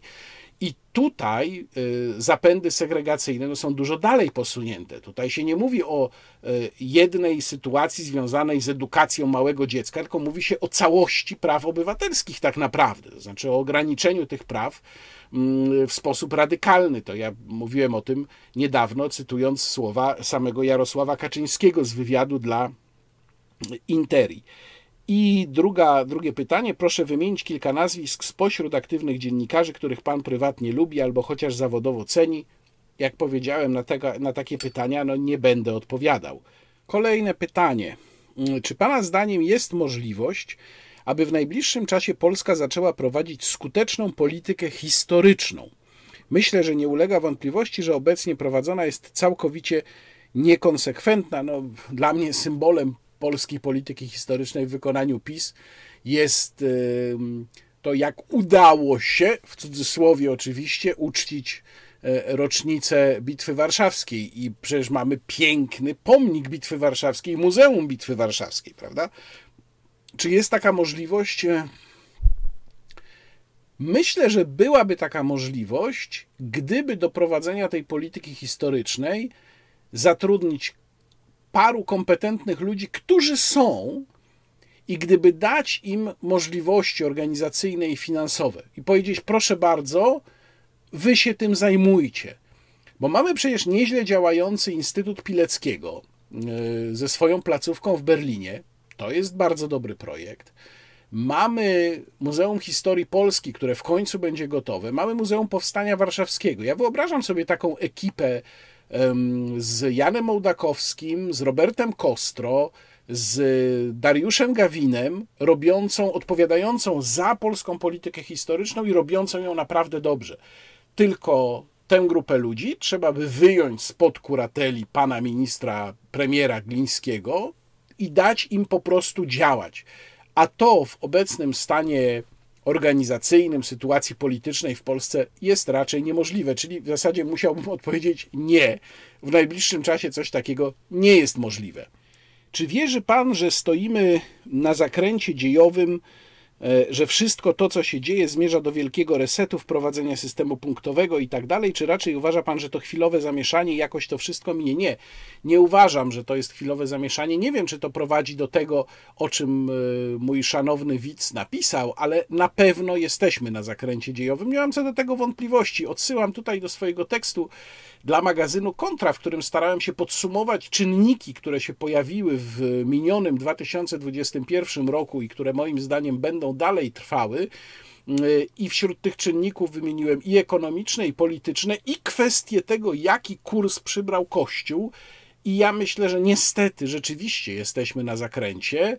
Wcale się z tego nie cieszę, bo miałem nadzieję, że w tej drugiej połowie swojego życia będę czuł pewien komfort, będę się mógł odprężyć, a tymczasem myślę, że idą czasy bardzo naprawdę złe. Jak powiadam, nie wiem, czy takie, jak pan tutaj napisał, e, ale na pewno dużo gorsze niż to, co przeżyliśmy w ciągu ostatnich 30 lat. Dwa pytania y, od kolejnego widza. Dlaczego większość społeczeństwa kupuje bajkę, że PiS jest partią prawicową, konserwatywną, a media głównego nurtu tę bajkę powielają, nazywając ich Zjednoczoną Prawicą? No, Zjednoczona Prawica to jest nazwa własna. Oni się tak po prostu nazwali, więc ja też jej czasem używam, no bo, bo trudno o nich mówić inaczej, jeżeli, jak powiadam, to jest nazwa własna tej koalicji.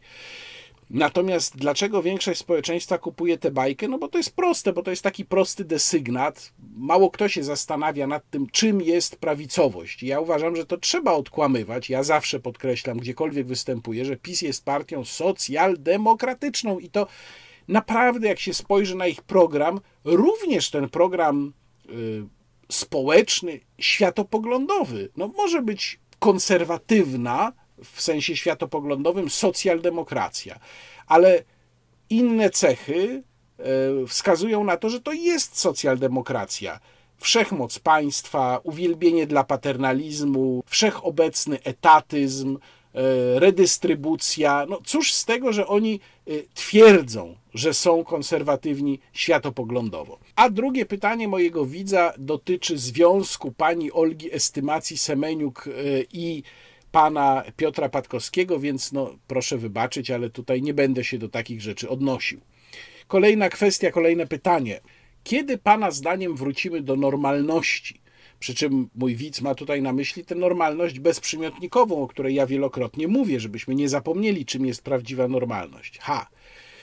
No ja obawiam się, że nie za szybko. Przedstawiałem już takie scenariusze, optymistyczne, pesymistyczne. Myślę, że umiarkowanie optymistycznym scenariuszem jest taki, w którym pewne reguły pozostają formalnie, mówię tutaj o Polsce, ale nikt ich nie przestrzega, czyli mamy to, co zawsze w Polsce i tym się bronimy, że to jest wszystko takie byle jakie, prawda? Inaczej niż w Europie Zachodniej, no więc może tam jakieś formalne reguły zostaną, ale my sobie poradzimy.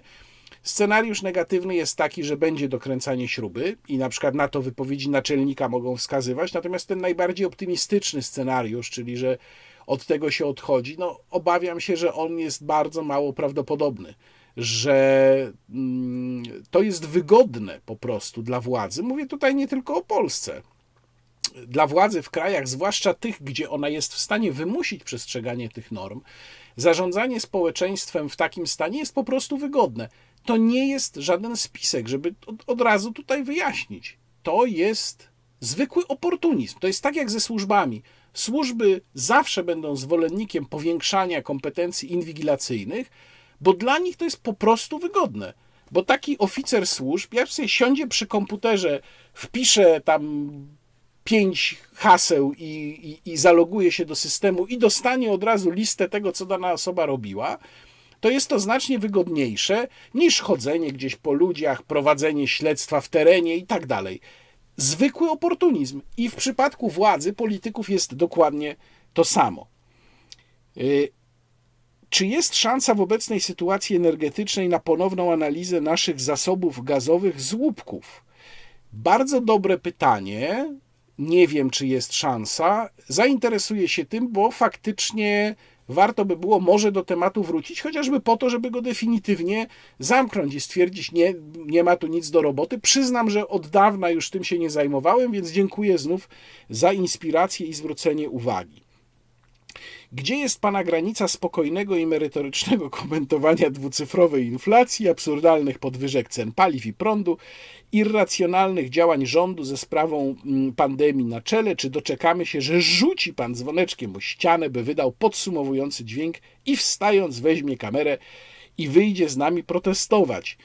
Nie, tego się pan nie doczeka, ponieważ ja z założenia uważam, że dziennikarz nie powinien brać udziału w jakichkolwiek politycznych protestach i tego typu imprezach, chociaż tam, gdzie rzecz jest wyjęta całkowicie spod kwestii politycznych, partyjnych, zwłaszcza, to być może tak.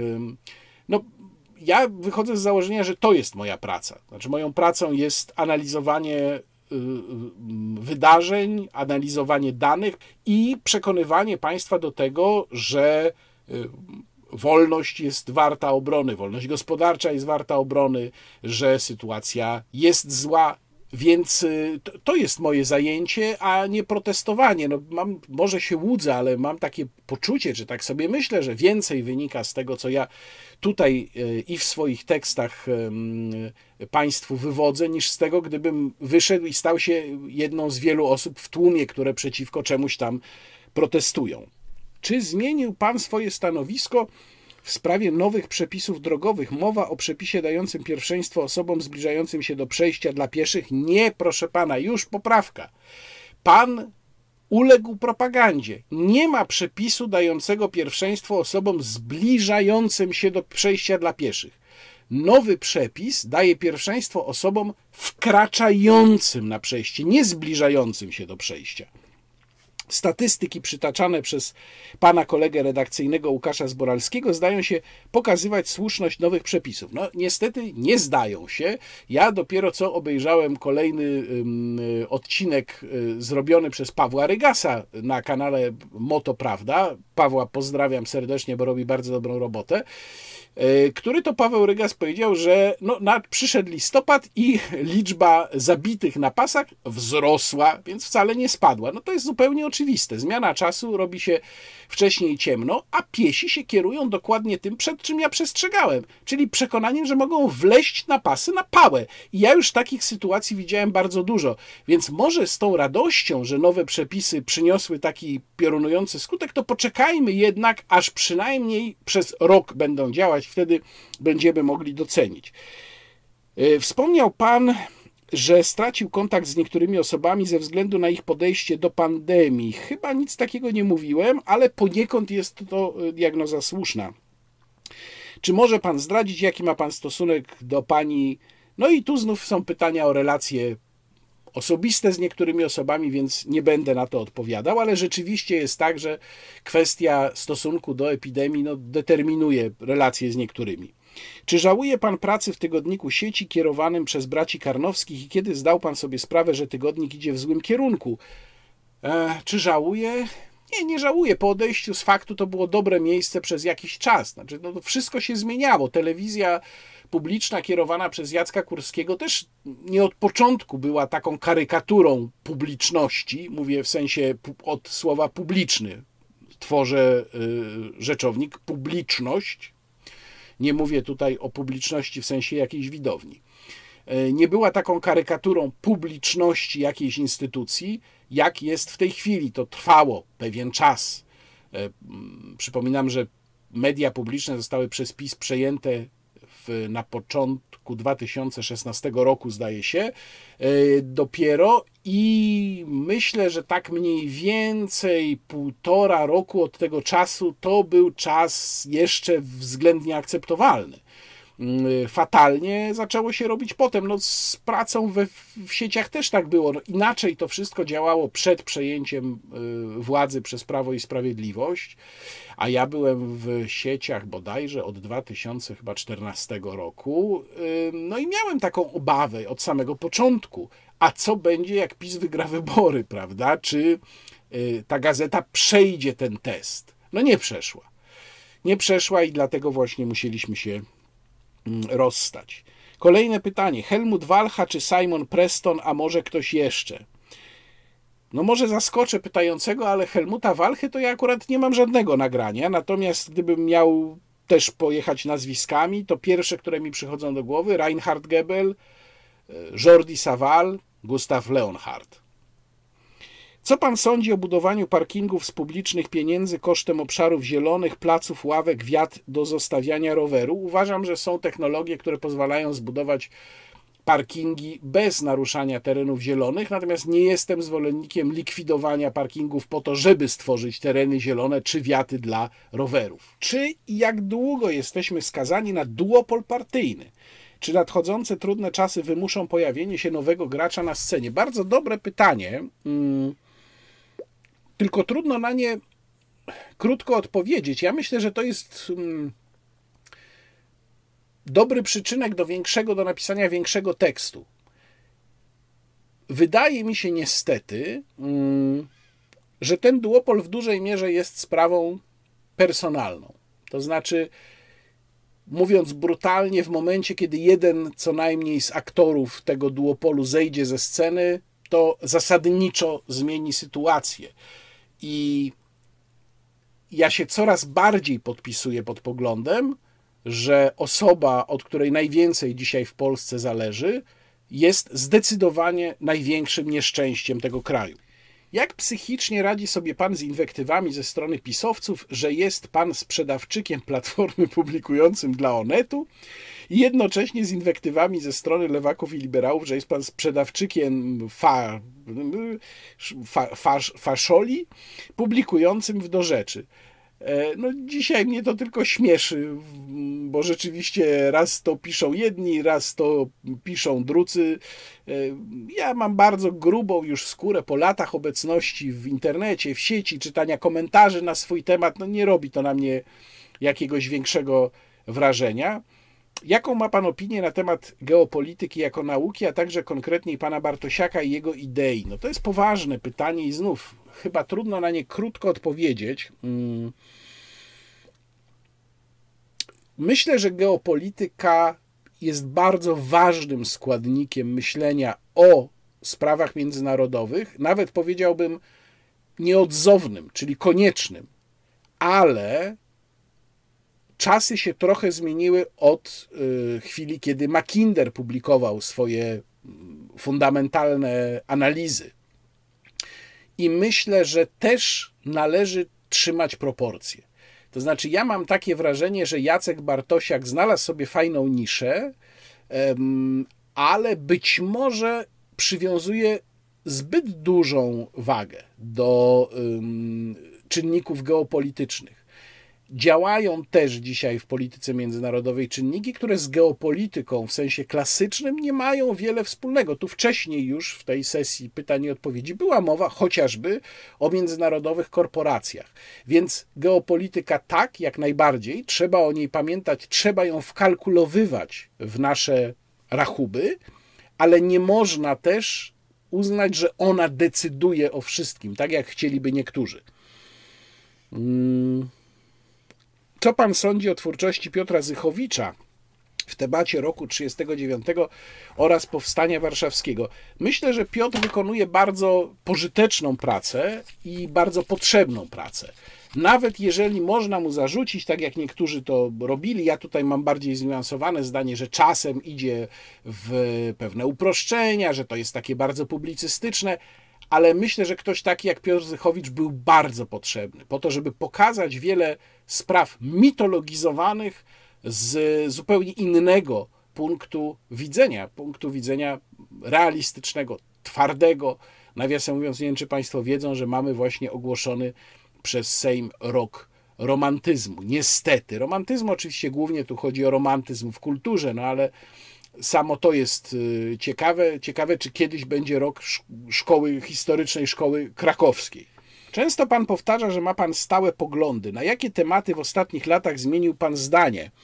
Mm, najzabawniejsze jest to, że jak ktoś mi pisze czasem, o, pan to zmienia poglądy jak chorągiewka. Ja pytam, proszę wskazać pogląd, jaki uległ u mnie zmianie. I nikt nigdy nie był, nie był w stanie wskazać nic takiego, bo moje główne poglądy zasadnicze się nie zmieniły. Nie potrafię wskazać mm, takiego, który bym zmienił.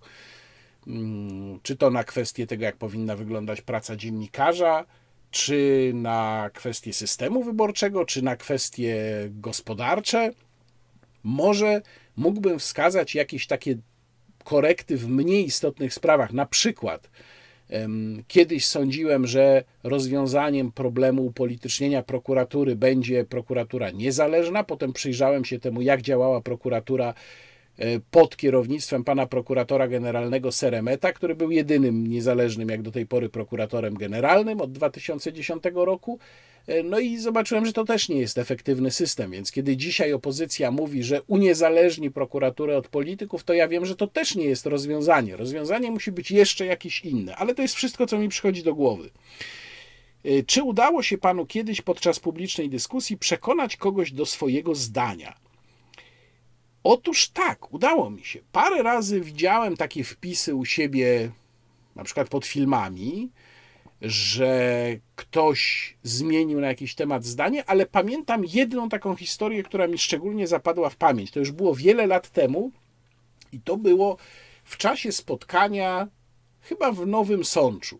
Zostałem tam zaproszony, no czasem mnie zapraszają na jakieś spotkania, z tym, że to było, wydaje mi się, jeszcze za rządów Platformy Obywatelskiej, czyli przed 2015 rokiem i dostałem pytanie o repolonizację mediów. I ja wtedy powiedziałem panu, który o to pytał, że proszę sobie wyobrazić, że repolonizacja mogłaby prowadzić, mogłaby się odbyć tylko poprzez zakup tych mediów, które dziś są zagraniczną własnością, przez spółki Skarbu Państwa. No, stało się tak, prawda? Mamy przykład Polska Press i Orlenu. I powiedziałem, te, ta linia tych mediów zmieniłaby się mm, tak, jakby sobie tego życzył nowy właściciel, ale przecież potem władza się zmieni. Zmieni się władza spółki Skarbu Państwa, no i za tym pójdzie zmiana kompletna kursu tych y, mediów, czyli dostanie pan wtedy media, które już będą e, stale uzależnione od państwa, ale przejmie je władza, która się panu nie podoba. No i ten człowiek posłuchał mojej odpowiedzi powiedział, tak, rzeczywiście przekonał mnie, pan ma pan rację. No, ciekaw jestem, czy pokupnie Polska Press przez Orlen ten pan, którego pozdrawiam, bo może ogląda ten wideoblog, nadal uważa, że miałem rację. Ja uważam, że to dowodzi właśnie, że miałem rację, bo przecież wiemy, że jak władza się zmieni, to pan Obajtek dostanie kopa, a razem z panem Obajtkiem kopa dostanie Dorota Kania i cała ta ekipa tam z Wojciechem Wybranowskim i innymi, więc to się wszystko pozmienia. Kolejne pytanie. Niedługo będzie ekranizacja książki Agaty Christie Śmierć na Nilu. Będzie to już trzecia adaptacja. Była wersja z Peterem Ustinowem, potem z Davidem Suszetem. E, Teraz będzie Kenneth Brana. Czy jest Pan zainteresowany twórczością pani Christie? Mm, Czy jest Pan zadowolony z kierunku, w jakim zmierzają adaptacje jej twórczości? Muszę przyznać, że ja Agaty Christie właściwie nie czytałem. Znam bardzo dobrze tę serię filmów właśnie z Davidem Suszetem i bardzo ją lubię i uważam, że ten aktor wykreował idealną wręcz postać Herkulesa Poirot. Jak myślę o Herkulesie Poirot, to myślę o Davidzie Suszecie i no, nie jestem w stanie sobie wyobrazić ym, Poirota granego przez kogoś innego. Więc jak sobie Kenneth Brana poradzi, nie wiem. Miałem z y, występami Kennetha Brana, Branacha takie doświadczenie, że em, oglądałem szwedzką serię przygód Walandera, y, a przeczytałem wszystkie książki o, o, o Kurcie Walanderze, y, wszystkie powieści, od pierwszej do ostatniej i bardzo je lubię. I oglądałem szwedzki serial z, sprawdziłem, z Kristerem Henriksonem w roli głównej. E, I mimo, że to jest właściwie wariacja na temat Walandera, no bo to nie są ekranizacje powieści Henninga Mankela, tylko wymyślone historie, przeniesione zresztą do czasów współczesnych, czyli tam połowy lat 2000, y, połowy ubiegłej dekady, y, to bardzo dobrze mi się to oglądało i uważam, że Henrikson dokładnie właśnie wygląda i, i, i zachowuje się jak Wallander i jak myślę o Wallanderze znów, to myślę właśnie o Henriksonie. Natomiast Kenneth Brana um, zagrał w ekranizacjach powieści Mankela i uważam tę serię za zupełnie nieudaną. Po pierwsze, Kenneth Brana mi zupełnie nie pasował do Wallandera i obawiam się, że też nie będzie mi pasował do Herkulesa Poirot. Po drugie, te ekranizacje były nieudane, bo próba przeniesienia na przykład psów z Rygi, gdzie rzecz dzieje się y, w latach, na początku lat 90. i istotna część akcji zależy od przemian w państwach bałtyckich i od tego, że dopiero co Łotwa uzyskała niepodległość, to ma ogromne znaczenie w, w powieści Henninga Mankela, no to, to w, tym, w tej ekranizacji z Branachem to zostało zupełnie skopane, przerobione, no bo tego się nie dało po prostu przenieść do czasów współczesnych. Tam się wszystko dzieje zupełnie współcześnie. Ja uważam Kennetha Branacha za bardzo dobrego aktora, jednego z najlepszych prawdopodobnie żyjących aktorów na świecie. Natomiast akurat jeżeli chodzi o, o jego w roli Herkulesa Poirot, to mam obawy, które są na pewno oparte trochę na mojej krytycznej ocenie jego e, kreacji w roli Kurta Wallandera. Jak wygląda zdobywanie informacji przez dziennikarzy u tak zwanych dobrze poinformowanych źródeł, wtyczek w rządzie czy jakiejś instytucji? Czy z Pana doświadczenia częste są sytuacje, gdy politycy sami wymyślają przekaz, który następnie sprytnie podsuwają naiwnym dziennikarzom? Czy częste są sytuacje odwrotne, gdy dziennikarze wymyślają informacje, powołując się na rzekome źródła? Czyli czy takie informacje są wartościowe oraz czy są dziennikarze, którzy naprawdę mają dobre kontakty i rzetelnie z nich korzystają? Bardzo ciekawe pytanie, trochę nie do mnie, bo ja jestem publicystą, nie jestem dziennikarzem, który wyciąga informacje od polityków, ale takie informacje często dostaję. I myślę, że Połowa z nich to zależy od kogo one są i w jakich okolicznościach uzyskane. Połowę z nich bym traktował dokładnie tak, jak pan pisze, czyli jako próbę autokreacji polityka. I są tacy politycy, którzy w ogóle się w tym specjalizują i jak taki polityk coś przekazuje mm, dziennikarzowi, to ten dziennikarz, jeżeli tylko ma pewne doświadczenie, powinien wiedzieć od razu, że trzeba to sprawdzać i że to prawdopodobnie jest właśnie próba autokreacji tego polityka, ale również za takimi informacjami mogą stać czasem jakieś konkretne dane, jakieś faktyczne dane. Więc y, myślę, że jeżeli dziennikarz weryfikuje, sprawdza, traktuje tego typu informacje jako punkt wyjścia, a nie jako ostateczną wersję, to tak, to wtedy ma to swoją wartość. Czy dziennikarze wymyślają informacje? To się pewnie zdarza ja nie słyszałem o takim przypadku, to znaczy mówię tu konkretnie, informacja uzyskana od polityka, wymyślona, prawda? Jak powiedział polityk X, pewnie się to zdarza, no ale skąd ja mam to wiedzieć? Nie mam takiej pewności. Natomiast yy, to jest jednak jedna, jedna z zalet, jedna z cech, jeden z atutów zawodowych dziennikarzy, że tak, mają dojście do polityków i jeżeli traktują ich jako źródło, które trzeba sprawdzać, i podchodzić do niego z pewną nieufnością, to będą z tego dobrze korzystać i przekażą Państwu informacje, których Państwo w inny sposób nie zdobędą. A przecież bywa też tak, że polityk przekazuje absolutnie celne, trafne, prawdziwe informacje czy analizy, bo na przykład jest to w jego interesie, bo ma spór z kimś innym w swoim obozie władzy. Nawet myślę tutaj o bardzo konkretnej w tej chwili sytuacji czy sytuacjach, ale to nie znaczy, że ta informacja jest nieprawdziwa i wtedy dziennikarz, niezależnie od motywów tego polityka, jest w stanie zrobić z niej dobry użytek. W jakim stopniu bliska panu koncepcja realizmu politycznego pokrywa się z myślą Machiavellego? Machiavelli dużo pisał o tym, jak książę powinien podchodzić do własnych poddanych. Ja nie jestem zwolennikiem takiego podejścia do własnych poddanych. Myślę, że Machiavellego należy czytać głównie w kontekście polityki międzynarodowej, to znaczy jego metody, jego sposób myślenia jest cenny, jeżeli mówimy o polityce międzynarodowej, natomiast uważam, że mm, książę taki jak ten, któremu porad udzielał Machiavelli w naszym własnym kraju, to znaczy działający w ten sposób wobec swoich poddanych, powinien stracić swoje miejsce, nie powinien rządzić obywatelami. No zresztą też proszę pamiętać, że Machiavelli pisał swoje dzieło i adresował je do jedynowładcy. To nie była demokracja, to też jest pewna różnica. Czy można oderwać konserwatyzm od chrześcijaństwa? Istnieje współcześnie zarówno w młodym, jak i starszym pokoleniu grupa ludzi konserwatywnych, ale nie wierzących w Boga. Czy może urodzić się z tego coś dobrego?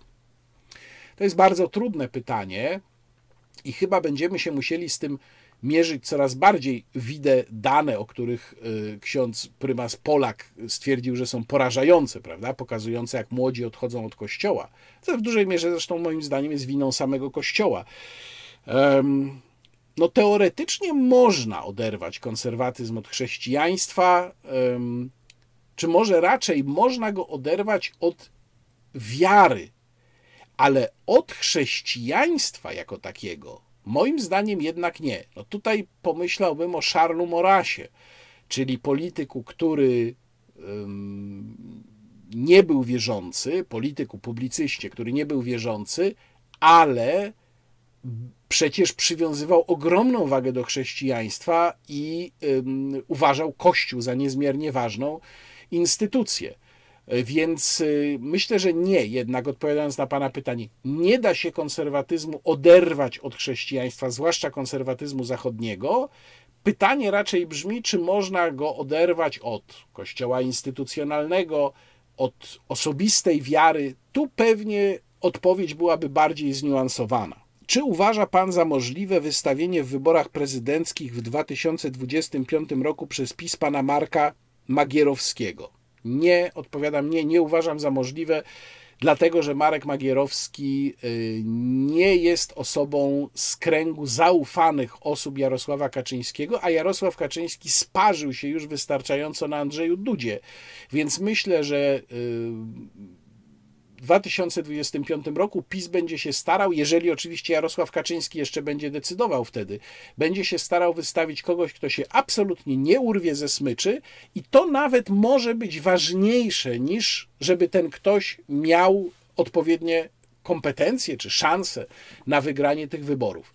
Czy ja bym poparł Marka Magierowskiego jako kandydata na prezydenta Rzeczpospolitej? Absolutnie. W każdej chwili uważam, że to jest po prostu świetny człowiek, mówiąc najbardziej skrótowo, i niezwykle kompetentny. Natomiast nie wierzę w to, żeby Prawo i Sprawiedliwość go wystawiło.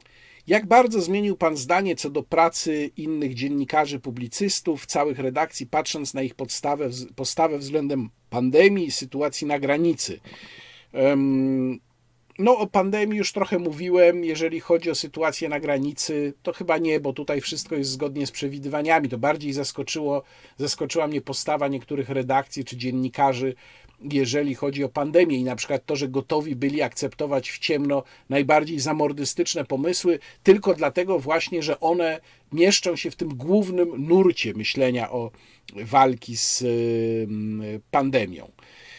Y, następne pytanie, czy właściwie grupa pytań, bo tu aż trzy. Czy są jakieś tematy, na które uważa Pan, że nie powinien się wypowiadać ze względu na brak kompetencji w danej dziedzinie? Czy publicysta powinien zajmować stanowisko w każdej ważnej sprawie publicznej? No oczywiście, że są takie tematy szczegółowe. No nie wiem, na przykład nie wypowiadałbym się e, na temat e, tego, mm, jak powinno się odbierać poród u krowy chociażby albo nie wypowiadałbym się szczegółowo na temat e, tego, jak powinien być zbudowany reaktor jądrowy. Natomiast e, nie jestem kompletnie zwolennikiem i uważam to za skrajną demagogię takiego stawiania sprawy, że nie znasz się na tym, nie masz takich studiów, to się nie wypowiadaj. No nie, na pewnym poziomie ogólności o decyzjach, które można nazwać w tym szerokim arystotelesowskim sensie politycznymi, absolutnie mamy prawo się wypowiadać. My mamy w sensie nie my publicyści, tylko wszyscy obywatele. Jeżeli już mówimy o kwestii budowy reaktora jądrowego, to o tym, czy taka elektrownia powinna w Polsce powstać, a nawet o tym, kto powinien dostarczyć technologię. Absolutnie każdy ma prawo mówić, jeżeli potrafi. Znaczy, każdy ma prawo mówić cokolwiek, żeby było jasne. Natomiast wypowiedź należy brać pod uwagę, jeżeli ona jest solidnie uargumentowana i wskazuje na mm, przesłanki dla takiego albo innego wniosku. Uważam wręcz za bardzo niebezpieczne takie podejście, że jak się nie znasz, to się nie wypowiadaj. Co to znaczy znać się? No bardzo często jest tak, że osoba, która zna się w cudzysłowie, i myślę, że epidemia jest tego doskonałym przykładem, tutaj myślę o lekarzach, ma bardzo wąskie widzenie i nawet jeżeli ona mówi rzeczy sensowne z czysto specjalistycznego punktu widzenia, to nie widzi całości obrazu. Jak podchodzi Pan do kwestii odpowiedzialności za swoje słowa w kontekście pandemii? Przyznawał Pan publicznie, że substancja chroni przed śmiercią i ciężkim przebiegiem choroby, a mimo to rozpowszechnia Pan na Twitterze materiały, które zniechęcają do substancji osoby mniej zorientowane w temacie, pomijając publikacje, które wskazują na przydatność substancji czy poza wolnością wyboru osoba publiczna nie powinna brać pod uwagę także innych wartości, zwłaszcza, że jak wiemy z badań na ten temat, ludzie nie podejmują decyzji racjonalnie. No zacznę od końca. Jeżeli ludzie nie podejmują decyzji racjonalnie, to może należałoby wprowadzić cenzus wyborczy. Y, ja to kiedyś proponowałem trochę żartobliwie w kontekście ciszy wyborczej, no bo proszę pana, no albo przyjmujemy, że ludzie mają prawo do decyzji również nieracjonalnych, albo uważamy, że e, powinniśmy ich prawa ograniczyć, ale to prawa wtedy już bądźmy konsekwentni. Jeżeli odbieramy im prawo do decydowania o sobie w kontekście przyjmowania substancji, to odbierzmy im też prawo do decydowania o tym, kto zasiada w parlamencie, bo chyba ta druga decyzja jest jednak znacznie poważniejsza w skutkach niż ta pierwsza, prawda? Mm, ja uważam, że propagandy prosubstancjalnej mamy w mediach wystarczająco dużo. Ja nie jestem od tego, żeby taką propagandę uprawiać. Od początku mówię, że szanuję każdą decyzję i o przyjmowaniu substancji, i o nieprzyjmowaniu substancji i nie namawiam nikogo, żeby nie przyjmował, ale też nie namawiam nikogo, żeby przyjmował. Natomiast wobec nachalności propagandy prosubstancjalnej uważam, że trzeba pokazywać po prostu inne aspekty i stąd są te moje różne wskazania na takie informacje, które mogą skutkować bardziej y, sceptycznym stosunkiem do, y, do sprawy. I czy poza wolnością wyboru osoba publiczna nie powinna brać pod uwagę także innych wartości? No proszę pana, ja po prostu uważam, że wolność wyboru w tym momencie jest naczelną wartością, więc dlaczego miałbym brać pod uwagę inne wartości? I dlaczego miałoby to być powiązane z tym, czy jestem osobą publiczną, czy nie? Gdybym był prezydentem Rzeczpospolitej, to też bym powiedział dokładnie to samo, bo uważam, niezależnie od tego, czy publicznie, czy niepublicznie, że tutaj każdy powinien decydować za siebie. Jak w kontekście pandemii rozumie Pan takie wartości konserwatywne jak odpowiedzialność za naród i wystrzeganie się egoizmu na rzecz dobra wspólnego? Mam wrażenie, że pandemia pokazała, że to, o co przez lata prawica oskarżała lewicę, czyli hasło rób ta co chce, tak stało się hasłem prawicy spod znaku Konfederacji. No nie, proszę pana. Znaczy, y, pytanie i dyskusja cała jest właśnie o tym, gdzie stawiamy granice. I ja uważam, że pod hasłem dbania o dobro wspólne przemyca się tendencje i rzeczy niezwykle niebezpieczne i znacznie dalej idące ograniczenia naszych praw i wolności niż to jest konieczne. Oczywiście pewien poziom przymuszenia ludzi do dobra wspólnego jest konieczny, bo na tym opiera się państwo generalnie. Ale on powinien dotyczyć spraw absolutnie podstawowych. W dzisiejszej demokracji, nawet przedpandemicznej jeszcze, ten poziom był przesunięty bardzo i ta granica była bardzo przesunięta. Jeżeli pozwolimy na to, żeby odbierać ludziom wolność wyboru w tej kwestii, to ona zostanie nam odebrana w kolejnych kwestiach. Już jej zresztą w wielu kwestiach nie mamy. Na przykład pretekstem jest, proszę pana, dobro wspólne ekologiczne, prawda? Dobro planety. No więc trzeba odebrać nam na przykład prawo do palenia w kominku albo prawo do tego, żebyśmy jeździli spalinowymi samochodami. No tutaj rzeczy się ze sobą łączą. To jest pewien łańcuch przyczynowo-skutkowy. Jedno idzie za drugim. Więc kompletnie nie zgadzam się z takim podejściem, żebyśmy mogli e, uzasadniać odbieranie nam e, wolności i naszych praw w tym przypadku, w przypadku pandemii, właśnie dobrem wspólnym. To jest zdecydowanie za daleko posunięty wniosek. Jakie, największe, jakie są największe Pana zarzuty wobec polityki mm, rządów Platformy Obywatelskiej? A myślę, że największy mój zarzut byłby, byłoby, największym moim zarzutem byłoby podniesienie podatków, obciążeń fiskalnych, Donald Tusk na początku swoich rządów zapowiadał, że wyrzuci z rządu każdego, kto zacznie mówić o podwyżce podatków, i jak pisałem wtedy wielokrotnie, powinien był sam siebie wyrzucić, bo sam zdecydował o podwyżce podatków.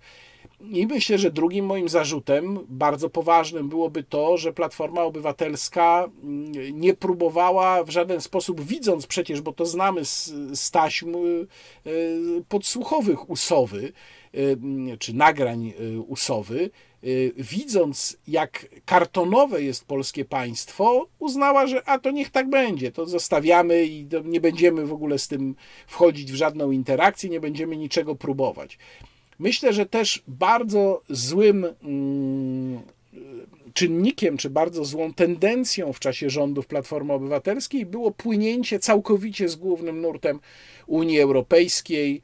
Mm, był bardzo dużym zarzutem, który stawiałem Platformie Obywatelskiej, była też zupełnie bezrefleksyjna próba dogadywania się z Rosją, ciągłe wiz wizyty ministra Ławrowa w Warszawie, który kiedyś żartowałem też w jednym z tekstów, że chyba już pokój dostał w MSZ, tak często tam przyjeżdżał, kiedy Radosław Sikorski był ministrem spraw zagranicznych. Nic z tego oczywiście nie wynikło. No i też jeszcze, to jest jednak wciąż poważny zarzut, kwestia wyjaśniania katastrofy smoleńskiej, czyli no oddanie całkowicie sprawy Rosjanom. Wspominał Pan o inwigilacji Pana osoby w okresie rządów PO. Czy może Pan opisać szerzej tę historię i czy sprawa skończyła się w sądzie, śledztwem na policji i tak dalej? O tym, że byłem inwigilowany, dowiedziałem się już po tym, jak PiS przejęło władzę. To była taka dosyć szeroka lista dziennikarzy, tam między innymi był Bartek Węglarczyk na niej, więc to byli ludzie z różnych środowisk dziennikarskich. Ja byłem w tej sprawie raz przesłuchiwany w krakowskiej prokuraturze i to jest w zasadzie wszystko. Zostałem uznany za pokrzywdzonego z czasem, nie tylko za świadka nic dalej z tego nie wynikło, więc nie znam żadnych szczegółów. Nie wiem, jak to się skończyło. To, nawiasem mówiąc, jest, zdaje się, jedna z tych wielu strasznych spraw, o których PiS mówił, po czym ich nie dokończył. Czy pana kolega ze studiów, pan Jakub Kumoch, no przypomnę, następca Krzysztofa Szczerskiego w kancelarii prezydenta, jest antyamerykański, jak mówił redaktor Bartosz Węglarczyk. Y, nie, ja bym tak absolutnie o Kubie nie powiedział. Nie wiem właściwie skąd Bartek miał tę informację. Jakubę Kumocha mm, znam od lat i uważam go po prostu za państwowca, to znaczy niezależnie od być może jakichś jego własnych odczuć czy sentymentów, każdy, czy resentymentów, każdy z nas takie ma uważam, że Kuba robi i będzie robił to, co uważa, że jest dobre dla Polski. Jeżeli trzeba będzie rozmawiać z Amerykanami, dogadywać się z Amerykanami, to y, będzie za tym optował, więc y, nie, nie, nie, nie, nie oceniałbym absolutnie y, Jakuba Kumocha jako osoby o nastawieniu antyamerykańskim. I ostatnie pytanie. Doszliśmy do końca. Jakiś czas na Twitterze zachęcał Pan, żeby w kontekście restrykcji epidemicznych zwracać się do swoich kolegów dziennikarzy, aby wykazali się większą asertywnością wobec PiSu, żeby uderzyli w bezprawne i głupie posunięcia władzy. Czy nie uważa Pan, że czas po nazwisku wywołać do tablicy dziennikarzy, którzy są wpływowi i mogliby chociaż spróbować poprzez swoją aktywną obecność w mediach w części zahamować głupie i coraz częściej niebezpieczne dla nas decyzje władzy? To nic nie da. Proszę Pana, czy Ci, którzy mogliby to zrobić, nie widzą, co się dzieje. No przecież doskonale to widzą. Ja myślę, że można najwyżej prosić tych, którzy na przykład są gospodarzami programów publicystycznych, żeby nie ulegali presji, żeby ograniczać grono rozmówców tylko do jednej grupy, e, żeby działali tak, jak działa Bogdan Rymanowski, który zaprasza różnych ludzi z różnych stron. I to jest chyba maksimum, na które możemy liczyć. Tak jak powiedziałem, to było ostatnie pytanie. Mam nadzieję, że Państwa nie zanudziłem. Od poprzedniej sesji pytań i odpowiedzi minęło chyba więcej nawet niż rok. Tak mi się wydaje przynajmniej. e, bo ja tu jestem z Państwem od kwietnia 2020 roku, czyli w kwietniu przyszłego, nie chciałem powiedzieć przyszłego, tego roku będą już dwa lata. Bardzo Państwu dziękuję. Pewnie znów za kilkanaście miesięcy, tak myślę, powtórzymy te pytania i odpowiedzi. A ja jeszcze raz, choć już to robiłem, życzę Państwu mimo wszystko dobrego roku 2022, aczkolwiek mam przeczucie, że będzie to niestety rok absolutnie fatalny, znacznie gorszy niż był ten i tak już nie najlepszy rok 2021. Ale nie zapominajmy, że normalnie to było w roku 2019 i o tę normalność cały czas walczmy. Bardzo Państwu dziękuję za wszystkie pytania. Namawiam do subskrybowania mojego kanału. To bardzo mi pomaga też w zbudowaniu zasięgów. Namawiam Państwa, żebyście Państwo przekonywali innych do subskrypcji i przypominam, że jest możliwość zostania mecenasem kanału poprzez mechanizm wbudowany w YouTube'a, przycisk wesprzyj pod filmem. Bardzo dziękuję za dzisiaj, kłaniam się Państwu, Łukasz Warzecha, do zobaczenia.